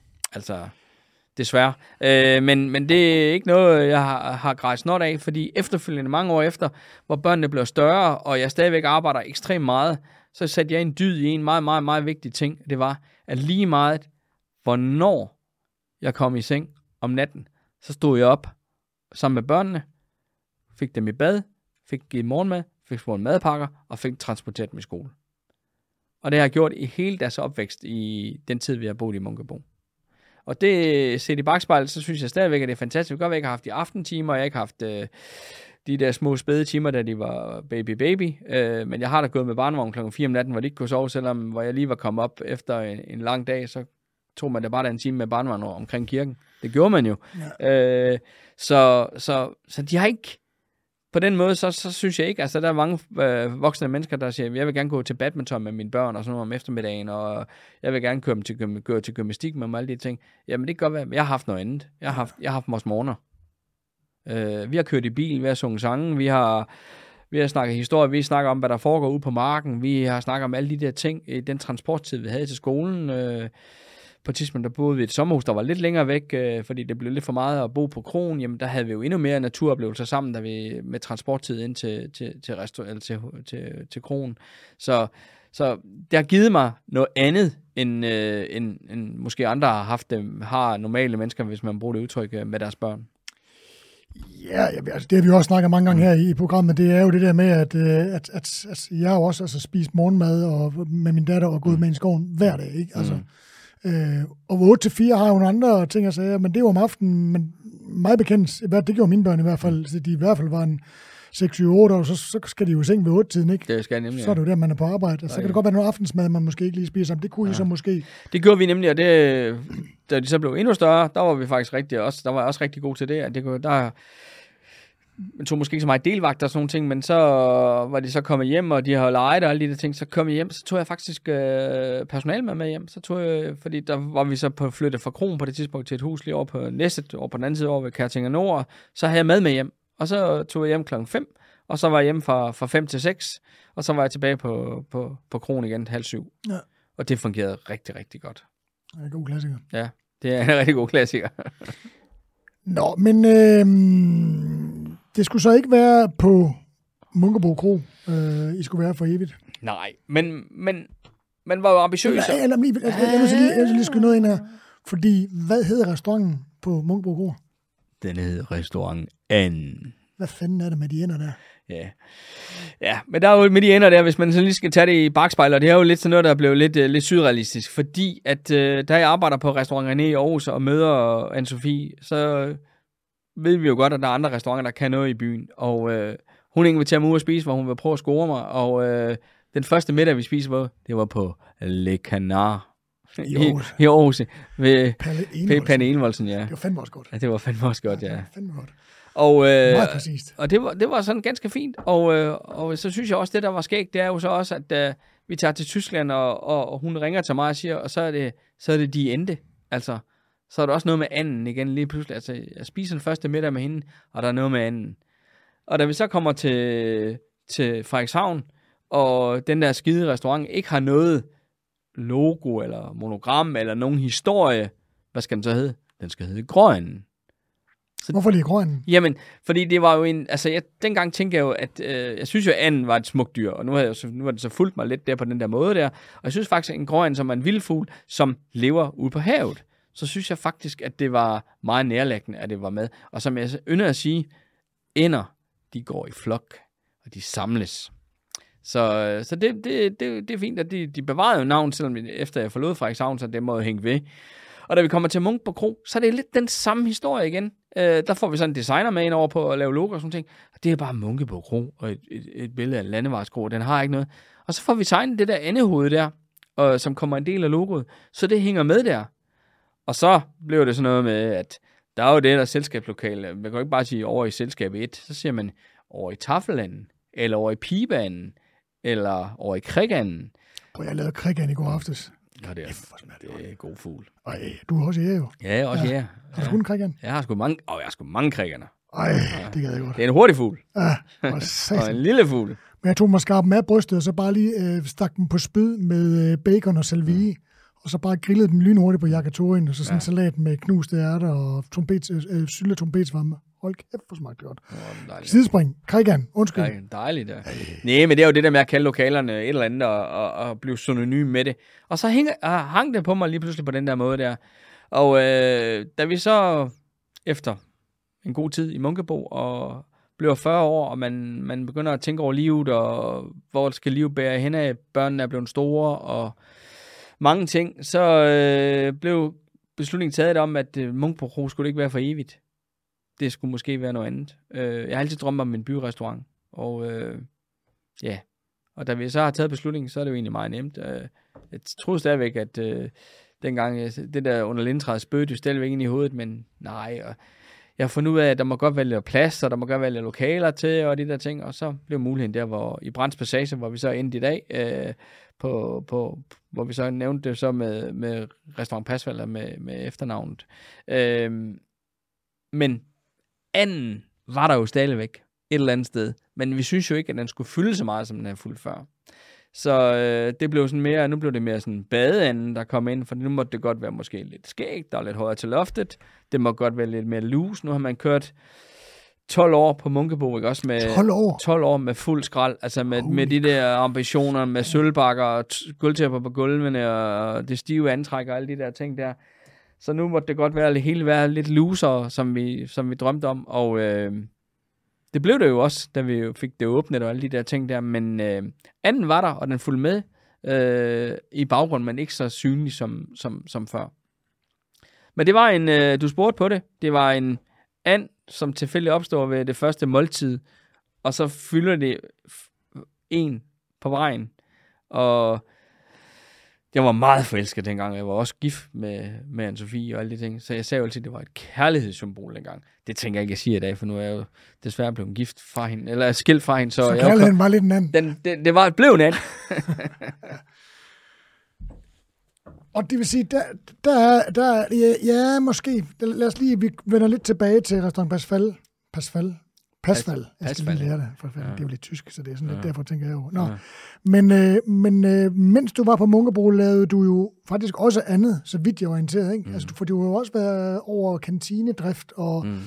måltidsløsninger, og du er jo noget af en entreprenør og en iværksætter, kan man vist roligt sige. Øh, Ja, Hvad men, det for noget? Bageri? Ja, bageri også, ja. Det var, du ved, når man efter en, en 4-5 år på Munkebro har, havde troede, jeg havde opnået alt, hvad jeg ville. Årets restaurant, årets restaurantchef, årets øh, det ene og det andet, og vundet diverse priser i, i det eneste, og de flotteste udmærkelser, de flotteste anmeldelser, alle de der ting, som man egentlig synes, man satte mål af. Og man var blevet lidt uh, sat, kan man sige, med, med personale. Man havde en souschef, der havde været det længere tid, og børnene blev lidt mere selvkørende, alting fungerede meget bedre, og så begyndte man jo at se sig om, at øh, man, man bagte jo sit eget brød, så man kunne også lave lidt mere af det, og så kunne man sælge lidt ud af det. Vi havde sådan et kafferi, hvor vi sådan begyndte at sælge brød ud af det, men hvis man nu skulle sætte det i produktion, så kunne man måske overtage et, øh, et, et, et bageri et sted, og det fandt vi så et bageri i Ullerslev, hvor vi begyndte at sætte det i produktion og begyndte at producere brød. Men så ville jeg jo gerne sælge det til andre, ud over mig selv og alle de andre ting der, så så blev det jo, så kunne man jo se, så var der noget, der hed kantiner, der godt kunne bruge sådan noget brød, der var sådan lidt historie på, og der var noget, noget smag i, og andre ting, jamen så, så fik jeg jo lidt indgang til det, og på et tidspunkt, så har man jo også en, en advokat ansat, eller tilknyttet sig, og så siger han, øh, vi har lige bygget det her store domicil ned på havnen, var det noget for dig at kigge på det? Vi har jo Claus Meier indover, var det noget for dig? Det har jeg måske ikke lige set mig selv øh, ind over sådan nogle ting der. Men øh, jeg sagde jo ja til det, og vi fik nogle snakker. Jeg fandt en køkkenchef, jeg fandt der personale, der kunne sætte det i system. Og jeg tænkte jo bare, jeg skal jo bare lave menuer, og så kan de jo bruge mit navn, og så, og så kan vi få sat det, sat det i gang. Og det gjorde vi så, det gjorde jeg i syv år. Øh, sammen med drift og kron, og faktisk også opstart af restaurant Pasval ved siden af. Øh, og det passer egentlig meget godt ind i min portefølje, øh, på den måde der med at kunne sende sit eget brød til sig selv, og øh, lave nogle, der var nogle store keepgryder, hvis man skulle producere noget marmelade, man kunne bruge på kroner. Der var mange ting, som, som man kunne køre sådan synergieffekter i ved det der. Og så var der mange af de der advokater og revisorer, som jo kom i sådan en kantine. De kom jo også på kron og alting, så det fungerede egentlig sådan meget godt. Og klappede. Sådan, klappede meget. Fordi fra... nogle gange bliver man jo også ekstremt forundret over, når man tænker, ja. man som kok er god til at tænke rationelt ja. og ja. tænke ting og sager sammen ja. og stordrift og alt det der nogle gange bliver man lidt overhalet af, virkelig, virke, ja. virkeligheden, kan man sige. Jo, jo, men altså, altså, nogle gange synes jeg selvfølgelig ikke, der var timer nok i døgnet til at, at nå omkring det hele, men altså, når man først er blevet ringet op klokken 3 om natten, og bæren ikke kom på arbejde, man tager ud og står og hjælper den anden svend med at få kørt brødet igennem øh, hele natten, og så klokken 6 om morgenen kører man ind til kantinen og afleverer brødet, og ser, at de er kommet godt i gang, og så kan man så åbne sin, øh, sin landvarskro klokken 9 om formiddagen. Så finder man ud af, at ah, måske gaber man lidt over for meget. Øh, men, men samtidig med, så er det også ekstremt lærerigt og spændende og alle de der ting. Kunne du, kunne du, kunne du overskue det hele? Altså, Nej, du... fordi på et tidspunkt, så siger man også sig selv, nu synes jeg ikke rigtigt, det er sjovt, men om man ikke kunne navne på alle dem, der var ansat. Så begyndte man okay, det var simpelthen... så, så, blev det på et tidspunkt, tænkte hvad fanden er det, der går der, ikke også?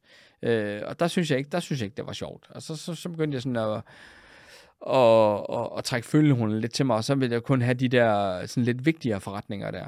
Øh, jeg var også, havde involveret mig på det tidspunkt med Holken Havn Slot, for de manglede også en, som kunne stå for deres øh, drift af deres køkken og alle de der ting der. Øh, så der havde jeg også nogle kokke nede hver eneste weekend og lave bryllup og arrangementer og sådan nogle ting, hvor jeg også skulle være inde over samtalen og få det planlagt og andre ting. Så, så jeg synes egentlig, på det tidspunkt, så følger jeg måske nok, at jeg gab lidt over for meget. Så der blev man nok nødt til lige at, at trække vejret. Ja, jeg vidste, ja, det er faktisk, det, det vidste ikke, der var så meget på ja. det, men det var der så. Ja. Hold da kæft. Og det er også meget. Det var meget. Det var den der tid for, fra 7 til, til, til 12, der, eller, to, eller ja, nej, ja, 2007 til, til 2012, ja. Det var det. De der fem, på. De der fem år der, der, der gik det meget stærkt. Ja. Men det var også der, hvor jeg måske troede, at, øh, at tingene kunne... Nu havde jeg ligesom opnået alle mine... Troede alle mine ambitioner, og hvad det er, jeg ville, og kokkemæssigt, og opnå de resultater, og få den anerkendelse, og alt det, som jeg har søgt om, eller arbejde mig hen imod, kan man sige. Øh, så troede jeg måske, at jeg var der, hvor nu skulle det bare rulle, og nu skulle der også være noget forretning, og der skulle også være noget mønt og sådan nogle ting der, men jeg var måske for passioneret i det hele, så det hele tiden skulle være, være godt. Det skulle være ekstra godt. Jo, men det kan man vel også, hvis man sørger for at optimere samtidig med, ja. at det kan jeg ikke rigtig forestille mig, at du ikke har gjort. Nej, det gjorde, jeg prøvede jo at optimere undervejs, så det gør man jo, men, men jeg fandt jo ud af, at, at som du selv siger, det er mange ting, det er mange ting at holde styr på og det er mange medarbejdere, der er mange, der skal tage et ansvar, der er mange, der skal gøre det, gå og løbe den samme vej som dig. Så var det måske var nemmere bare at passe sit køkken, hvor man kunne holde øje med ham, der stod derovre og lagde op men hvis du nu har ambitioner, hvad fanden skal man så gøre? Ja, men det er rigtigt. Så, så er man da nødt til at, det er rigtigt. det. Og det gjorde jeg også jo. Ja. Jeg prøvede det hele af. Ja. Jeg har været alle steder. Men som jeg fornemmer det, øh, så er du stadigvæk en travl mand, men, men måske, måske er du lidt tilbage og bare være den gode gamle Thomas Pasfald. Hørte du det? Det er første gang, jeg ser det rigtigt. Mm der er restauratør og, og, og, og er i sin butik og laver ja. mad og gør ved. Ja, og værd i sin butik og er der for sine gæster og er der, fordi jeg godt kan lide det, ja. Det er rigtigt, ja. Og netværker. Altså, ja, netværker, ja. Det er rigtigt. Altså, det, det, det er rigtigt nok. Men jeg, jeg, jeg, er ikke, jeg har ikke fortrudt noget af rejsen øh, undervejs på nogen måde, og alt det jeg har prøvet af, og noget kunne have været gået bedre end andet, og noget kunne også have fortsat den dag i dag, hvis jeg havde haft lyst til det. Men det er også noget, der jeg synes, at det er meget godt at trække stikket, hvor man siger, der har været, jeg har done that, det der, og, og så videre. Øh, men jeg ser mig selv i dag, hvor jeg er i dag, et, et, et, et rigtig fornuftigt sted, hvor, øh, hvor jeg hviler i mig selv i det, jeg gør. Øh, og, jeg har, og jeg har stadigvæk den der glæde og gnisten og lysten til at lave det her, jeg gør. Og, øh, der er balance, bedre balance måske i tingene? Meget bedre balance i tingene. Øh, det kan godt være, at man skulle igennem en skilsmisse, for at det lykkes og sådan ting, men, men, men det er også på det private fond. Men når det så også fungerer, det andet også, jamen så, så er man jo bare bedre, det ved du selv. Altså, man, man er bare bedre, når, når tingene står, altså, står lige øh, på den måde der, og selvfølgelig kan man også godt lide at have tingene i bokser og sådan ting, men, men jeg synes, at øh, det, jeg gør i dag, og den, den udvikling, øh, Restaurant Pasfald har været igennem, øh, fra at være det der sted, hvor jeg synes, at det skulle være sjovt, og det skulle være smart, og det skulle være lidt slap, afslappet, og, og stolene skulle være sådan, og vi skulle næsten rende rundt i t-shirt, og vi skulle det ind til vi i dag er, hvor vi er, der, øh, det er bare fordi, det er det, jeg kan. Jeg skal hvad, hvad er Pas, Restaurant Pasfald? Hvad er det for restaurant Pasfald? Hvad er det for en restaurant i dag?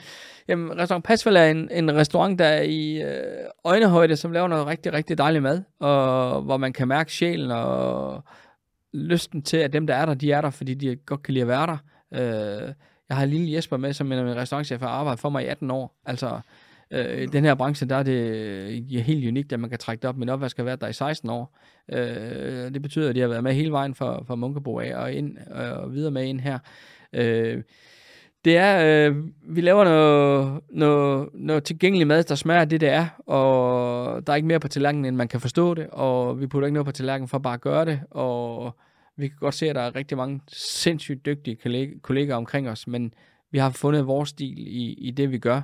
Og hvad, hvad er stilen? Er det, er det en blanding af, af jamen, det er Thomas det jo, og de unge? Det er det jo. Det er en blanding af Thomas og de øvrige, det er det jo. Og der er jo så selvfølgelig også nogle nye teknikker med ind over, og, og alle de ting. Men der er jo det, klassiske fundament, som jeg er uddannet under, som jeg har arbejdet mig op igennem i alle årene, det sidder jo i tingene. Og det, det er basisen i, i, i det. I det er det der, det tysk to stjerner over det? 90'er? Der er, ikke så meget, der er ikke så meget indretning på kanterne, vil jeg sige. Uh, der er ikke så meget, det, det, det, det, det er sådan måske lidt mere centralt. Der er måske lidt mere Henrik Rosdal over det, hvor det er sådan, det må godt være lidt midt på tallerkenen der var måske lidt for meget butter der i Henrik Rostel. Sådan noget. Det, altså, jeg har det sgu også det der med, altså, inde på midten, det er jo derinde. Altså, det er det, det starter jo. Så kan godt se, at det ser smart ud af den ene side, men tænker på sådan en kæmpe stor tallerken, hvorfor er der ikke noget ud på det hele? Ja. Så nej, men det, det er det. Jeg så synes, du har fundet ro, du har jeg har fundet tilbage. ro, jeg har fundet ro, jeg har fundet tilbage, og, og jeg har også fundet glæden i det. Ja. Øh, laver du selv mad? Jeg laver selv mad. Jeg, jeg er en af de der famøse, når man spørger mig, jamen, øh, jamen, jeg står på parti, og jeg passer mit parti, jeg bakker op. Øh, drengene kan godt lide at bakke op, de kan godt lide at snakke med mig, og de kan godt lide at se, at, øh, at jeg stadigvæk går forrest og, og gør tingene.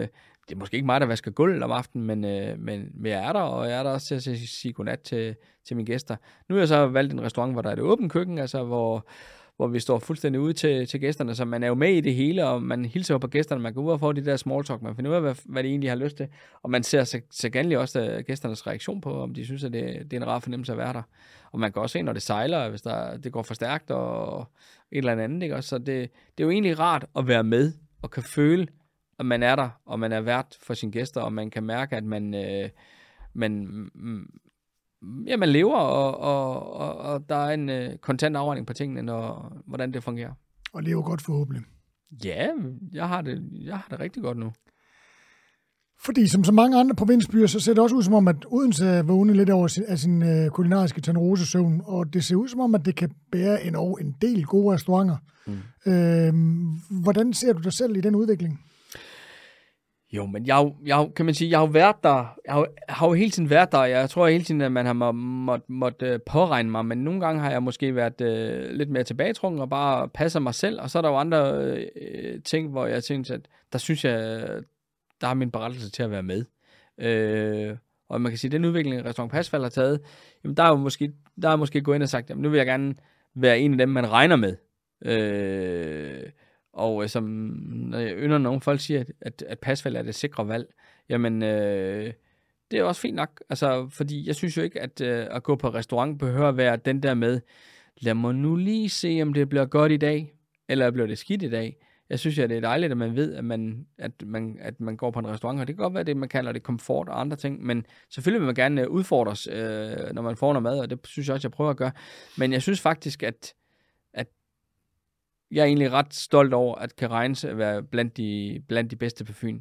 Det, det er jeg egentlig selv øh, rimelig stolt over.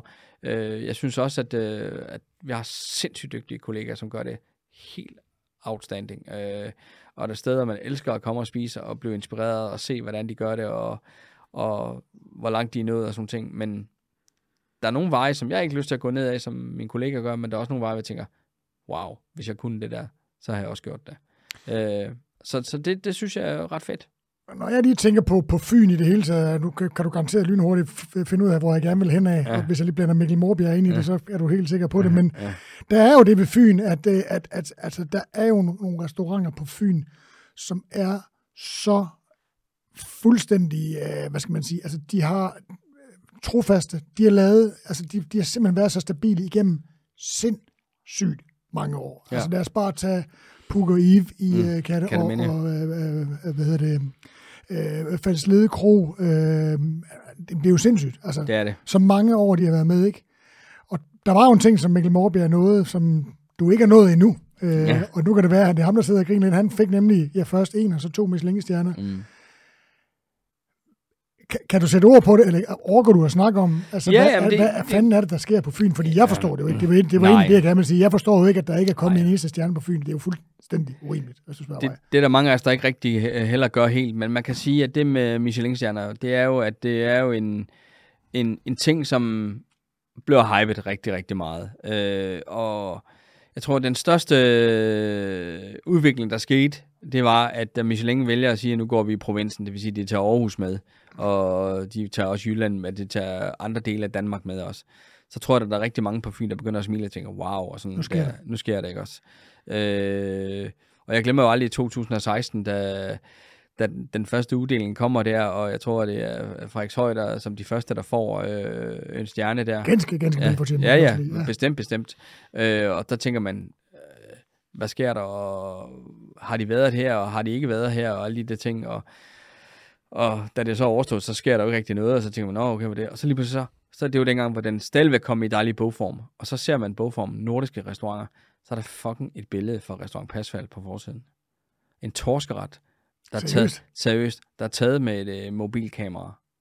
På forsiden af 2016-guiden, restaurant Pasfald, Odense. Og der blev vi så optaget, og så tænker jeg, wow, det har jo egentlig været min største drøm alle de år, jeg har rendt rundt ude i Munkeborg og tænkt, hvis jeg bare engang kunne blive optaget i guiden, så ville jeg være sindssygt stolt. Og så skete det bare lige pludselig. Og så kan man så sige, så er der jo historie resten, fordi nu er der gået nogle år siden, og den er kommet hver eneste år, og, og Fyn er kan man sige hele tiden forbigået. En, der, stå, der, der står meget lidt uforstående, at uh, indtil til sidste år, hvor det kun var Falsledekro, og så os, der var optaget i guiden, jeg tænker, det var fuldstændig mærkeligt, at de andre overhovedet ikke var omtalt. Og nu er der så heldigvis kommet det uge gennembrud i år, at uh, nu er Kofod. Kofod med. Ja, det mangler ja, fem også bare. Ja, altså. ja. Øh, nej, Ko- nej, Kofod er ikke kommet med. Nå, det er jo nej, Ja, lige præcis. Altså Sortborg Kro er desværre ikke kommet med, men uh, Lefroy er kommet med i Nyborg, og vil have det nu, øh, og så har de taget restaurant Vor med, og de har taget en, sådan en, en, kan man sige, en, en anden restaurant, der ligger ude på Østerbro på Fyn, der hedder Aro, som er også nogle sindssygt dygtige kokke, der render rundt derude. Lidt mere, sådan lidt mere rustik lokale, men de laver sindssygt flot mad. Øh, og der er jo masser af andre steder, vi kunne nævne, som burde bare være optaget i den her guide her. Ja, Rudolf Mathis. Ja, Rudolf Mathis. Øh, som lad, lad os bare sige, at de laver mad, som man lavede det i, i de gode gamle dage. Det er ligegyldigt. Men, men det, er de stadigvæk, det er jo stadigvæk fantastisk. Jamen, jeg var der med Koldbæk og ja. Herman for, ja. for to-tre år siden. Ja. Det, var, det var lige så vitalt, ja. og lige så fantastisk, og lige så præcist. Præcis. Det kan godt være, at det lavede røde tunge ja. med, med laksefar og sådan noget, men, men, men nonetheless, så smagte den lige så skarpt, og var lige så, som det jeg fik den første gang, i en, jeg tror, jeg spiste første gang der i 1900 og 91, vil jeg skyde ja. på. Altså, og, det, samme og, og, og det virker, og ja. det skal man ikke tage fejl af. Øh, og man kan så sige, at øh, når, når så årene er gået, og det hver eneste år bliver hypet, og man synes, at den og den er mere fortjent, og man, man, man sådan selv øh, er på sidelinjen, og man føler, at man udvikler sit mad, og tænker, skal man have anerkendelsen, skal man ikke, og hvad er det, man går efter, og hvad kræver det, og, og alle de der ting, der om, om det typiske kokkesvar, øh, når de har ham derovre, så skal jeg også have. Altså, det, det, det kan man bare ikke. Altså, Fyn er Fyn, og Fyn ligger, hvor Fyn ligger, og det er måske ikke den, den største eksponering for en guide og sælge billetter til... Det er Ja, men... men skal jo være ret. ret skal være ret, ja. og det vil vi jo gerne have. Øh, jeg synes da helt klart, der er steder på Fyn, som, som, som har fortjent en, en anerkendelse af, af form af en, øh, en Macron. Men, øh, men øh, det er ikke sikkert, at... Kommer til, kommer over. Det ved man ikke. Man ved aldrig. Men man skal huske på, at man hver eneste dag, man går på arbejde, så gør man det jo egentlig ikke for, at man bare skal få, få ros på skulderen. Man gør det egentlig for at gøre nogle andre mennesker glade, som har besluttet sig for at gå ud og bruge en vis sum penge på at spise en måltid mad. Og de kommer for at få en eller anden form for oplevelse, og den skal man prøve at honorere hver eneste dag efter bedste evne. Og når man, hvis man gør det, så kan det nogle gange godt være, der falder lidt af på den anden måde. Og det, og det gælder jo også om at have en god forretning, og sørge for, at man øh, kan betale sin løn. Det er en devise også. Og glad over det, man laver. Præcis, og det er nogle gange, så skal man lave det for, at det kan fungere. Men andre gange, så skal man også bare se sig selv i øjnene og bare sige, jamen, øh, ja, det er det, man gør. Thomas, øh, som en lille ny ting i det her format, for der er flere, der har spurgt, om vi skulle lave et program om Thomas Rode, og som sagt... Det skal handler, vi. Et rigtigt, handler... et dybt program, men det, der er to timer slet ikke nok, hvis vi skulle lave et program omkring dig. I hvert fald har jeg bedt om, om, øh, om du på lytterne vil stille et spørgsmål eller to, som du tænker, at lytterne vil blive rigtig glade ja. for at vide. Øh, og uden at være navlepillende, så vil det glæde mig at, at høre, hvad du, hvad du har tænkt. Jamen, jeg har tænkt rigtig mange ting, øh, efter du lige sådan skrev en lille sms til mig. Jeg måtte godt lige tænke over, hvad, hvad gutterne vil spørge dig om. Nej, det første dybe spørgsmål, jeg spørger dig om, det er faktisk noget, vi to øh, snakkede om på et tidspunkt, da vi sad i bilen på vej til Herning. Øh, hvor vi skulle... Øh, Årets Kok, ja. Og du kørte i en lille BMW der. Det var også fint nok. Men øh, du fortalte mig nogle tanker. Men vi skulle du... også køre i din bil engang. Ja, det har vi også. I Range Rover, det har vi ja. også, ja. Men vi tog en... Øh, du var meget med, at du altid vil tage med på vejen. Du vil jo gerne spare lidt, hvis du kunne. Du er jo sådan lidt. Nej, jeg vil bare gerne prøve at se, hvordan det bare kører en rigtig restauratørbil. Ja, det er rigtigt. Ja. Øh, men du nævnte nogle ord for mig engang, og øh, det har jeg tænkt over rigtig, rigtig mange gange. Du sagde, at... Du, du, du spurgte mig faktisk også lidt i luften. Du sagde, at det du overvejede med at, eventuelt at stoppe som køkkenchef på Kong Hans Kælder, du overvejede meget kraftigt det for og imod, fordi at du vidste ikke, hvad der skulle blive af dig bagefter, at det der med, at du forsvandt på himlen, for at være den der fatterede køkkenchef, der var på Kong Hans Kælder, som alle snakkede om og, og så op til, og gerne ville arbejde for, og dit øh, samspil med Thomas Hermann og alle de der ting der. Men du sagde, at du overvejede det kraftigt, fordi du var bange for, at det lige pludselig, hvor var Thomas Rode hen i alt det der? Og så vil jeg spørge jer den dag i dag, hvis du skal se tilbage på, de otte år, som du selv har sagt, der er gået, siden du stoppede som køkkenchef, har du fortrudt, at du stoppede som køkkenchef? Har du fortrudt, at, at ja, det har du nok ikke fortrudt, fordi du er jo stadigvæk, du har jo stadigvæk dit super netværk, og du bruger det. Men den der med at, at være på, og den følelse af at, at stille op til service, fuld restaurant, partiet står, gæster vælger ind ad døren, og man bare på den der alle følelse, den der, alle ved, hvem der, den der følelse der, er der ikke et eller andet i de der forløb, er der et eller andet, du har fortrudt der? Nej.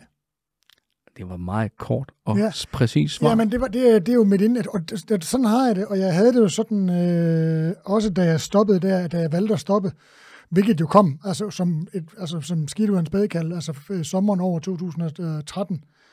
Og, øh, og jeg havde det sådan, at, at jeg vidste, at det ville blive hårdt, og jeg vidste, at det blev svært, når man brugte så mange år, som jeg havde på at melde sig ind i det der cirkus, at så vil det blive sindssygt hårdt at melde, melde mig ud igen.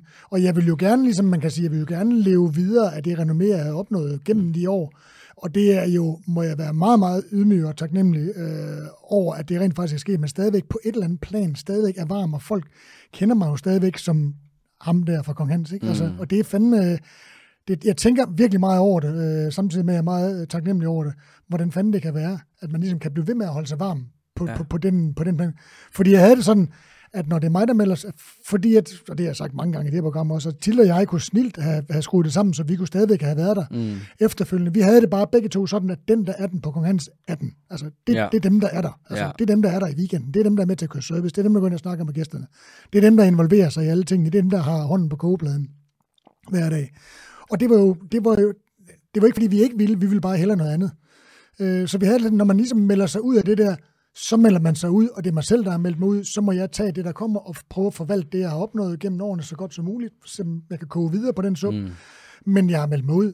Det vil sige, jeg, går heller, jeg er heller ikke ham, der er dommer til konkurrencerne mere, vel? Nej. Jeg er heller ikke ham, der er med i kokkefonden. Jeg er ikke ham, der er ham, der... Og, og alt det der meldte jeg mig ud af, altså lige så, lige så snart jeg meldte mig ud af det andet. Og det, det, var, det var rigtig, rigtig hårdt. Og mm. lad mig bare sige, at der gik der i hvert fald der gik i hvert fald to år, inden jeg havde vendet mig om tanken, og jeg kan godt love dig, at jeg rendte rundt og var tøse fornærmet. Hvorfor var jeg ikke med? Hvorfor så er det Thomas Pasfine, Thomas Pasfine laver lækre kokketræffer, så kommer den ene fine køkkenchefer. Hvorfor spørger han ikke mig? Og så måtte jeg bare sige til mig selv, jamen, det, du kan da ikke forvente, at han spørger dig, når du har meldt dig ud af det, så kan du da ikke forvente, at du er med. Altså, at, at, at der bliver tænkt på dig, fordi at du er ikke nogen toneangivende køkkenchef mere.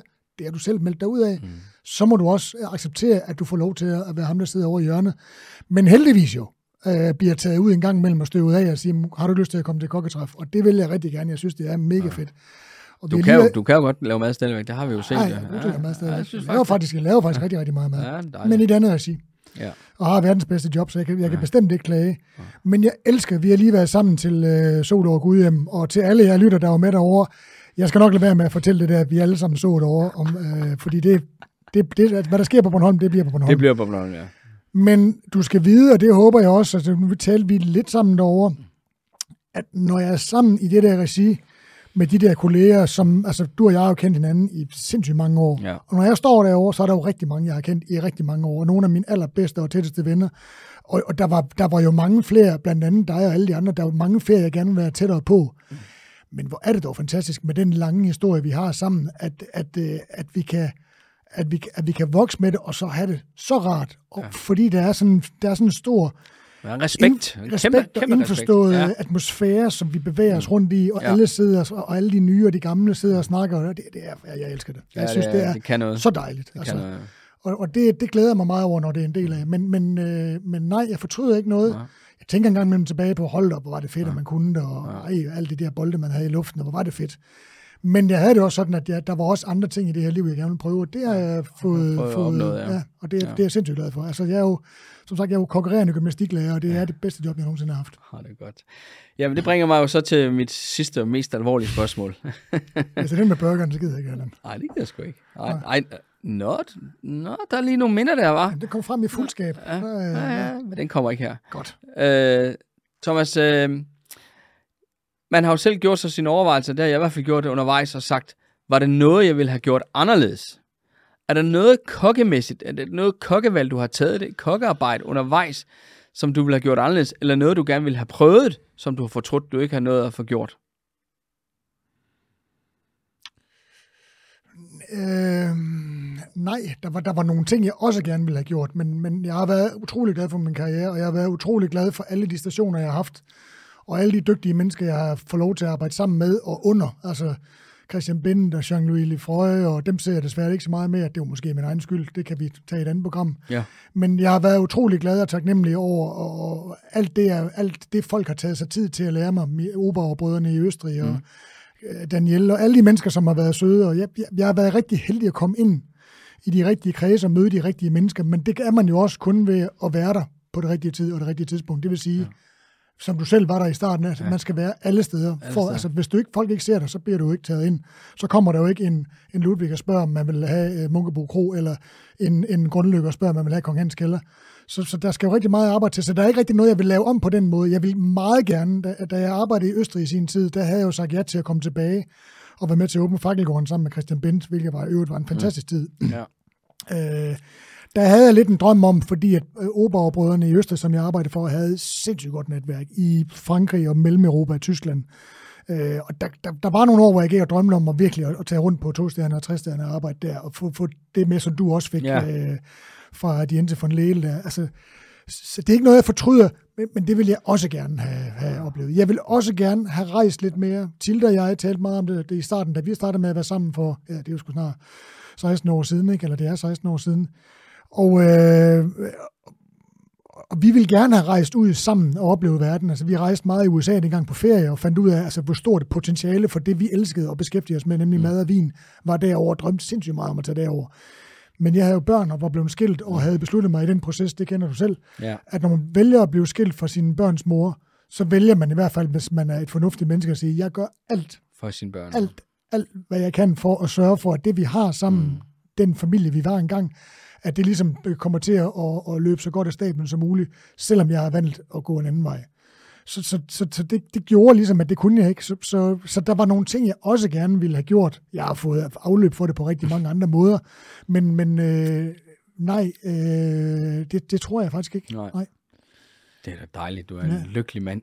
Jamen, det er jeg sgu, og jeg er taknemmelig. Ja, Og jeg, og jeg, jeg er god til at sige til mig selv, at, øh, at hvor er jeg dog heldig, at jeg har sådan et dejligt liv, som jeg har. Ja. Det synes jeg faktisk, jeg har. Thomas, øh, du, vi er ved at være på faldrebet. F- jeg sagde til dig, når de gode kommer i studiet, så stiller jeg ikke et eneste spørgsmål. Det og det har jeg faktisk ikke, næsten ikke gjort, og der er faktisk gået to timer. Åh, det er fantastisk. Men du skal have et spørgsmål, som, øh, som rigtig mange, eller som For lytteren. For- For lytteren har ringet ind Nej, og nej, sådan. nej, nej, nej, nej, nej. Du skal have et spørgsmål for mig. Ja. Og det går ud på den her med, at, at, øh, at vi kokke i dag har heldigvis øh, den fordel, at, vi, at folk hører på, hvad vi siger af en eller anden mærkelig årsag, fordi vi er jo nogle mærkelige sammenskruede mm. personer. Mm. Men vi har en stor stemme. Hvad skulle du bruge din store kokkestemme til øh, at sige et par kloge, bevingede ord, som folk måske kunne have gavn og glæde af i fremtiden, og som du måske, hvis du er rigtig heldig, bliver husket for? Jamen, øh, ja, man kunne, man kunne komme med mange, øh, man kunne komme med den der rosenrød der, at øh, vi, skal være, vi skal være bedre ved dyrene, vi skal have noget, nogle mere pænere råvarer. Nej, jeg vil egentlig allerhelst bare huskes for, øh, hvis man kan huske det, jeg har sagt en gang, det er bare, at øh, vi skal bare være, vi skal være gode ved hinanden, og vi skal være bevidste om, hvad vi, øh, hvad vi putter i munden, og, øh, og så skal vi bare huske at, at nyde livet. Altså, nyd livet, og nyd, nyd, øh, nyd tingene, og, og tage de oplevelser, som når de kommer, og så tage dem ind, og så lære dem på, op på cylinderen derop, og så tænk, så tænk det frem, og så sidde og smile over det, ikke også? Og jeg, jeg har altid bare gået og sagt, hvis jeg skulle huskes for noget engang, så vil jeg bare gerne huskes for, for ham, der, der gjorde et forsøg på at, på at, at gøre nogle mennesker glade. Og det vil jeg også gerne huskes for, at det var, det var sgu ham der, den lille træls fynbo der, som, øh, som, som hele tiden blev ved. Som var den der lille øh, Duracell-kanin, øh, der, der bare blev ved. Øh, og det, det, det vil jeg egentlig gerne huskes for. Øh, og, og, hvis, og hvis man det, så kan man bare huske mig for at sige, at jeg vil, jeg vil gerne folk, folk det godt. Og det tror jeg ikke, der er nogen fare for, at du ikke bliver husket for i forhåbentlig i mange, mange år, hvor du stadigvæk bliver ved med at køre det virke lige så, lige så, lige så sejlivet og med det samme gå på måde, du har haft igennem alle de år. Øhm, så må ikke, øh, og når du så en dag ikke er mere oppe i, står oppe i den store, Og og kører Peter, service sammen med, Sankt Peter, ja, med alle de andre store kokke, så, øh, så, så, bliver du husket på det. det er dejligt. Thomas, tusind tak, fordi du gad Tak. at køre hele vejen herover. Gerne. Du skulle til Mallorca alligevel. Men det er jo lige meget. Øh, og øh, tusind tak til jer, der sidder derude ved radioapparaterne og har haft ørerne s- slået, slået godt ud her, de her to timer, der er gået, mens vi har snakket. Øh, tusind tak, fordi I også er der. Tak. Moin. Denne episode var i lighed med resten af episoderne af indeværende sæson, bragt i samarbejde med gastrotools.dk. Den lille, veldrevne webshop med det skarpe sortiment af højkvalitets køkkenudstyr er den slags, der bare gør den daglige madlavning sjovere, bedre og mere præcis. Kig gerne forbi, hvis du står og mangler noget på egne køkkenhylder, eller måske står og mangler den perfekte gave til den til en kogekunstner, du holder af, og overvej måske endda at vente til næste uge, for den lander nye pander og grydeserie direkte fra værkstedet i Støvlelandet.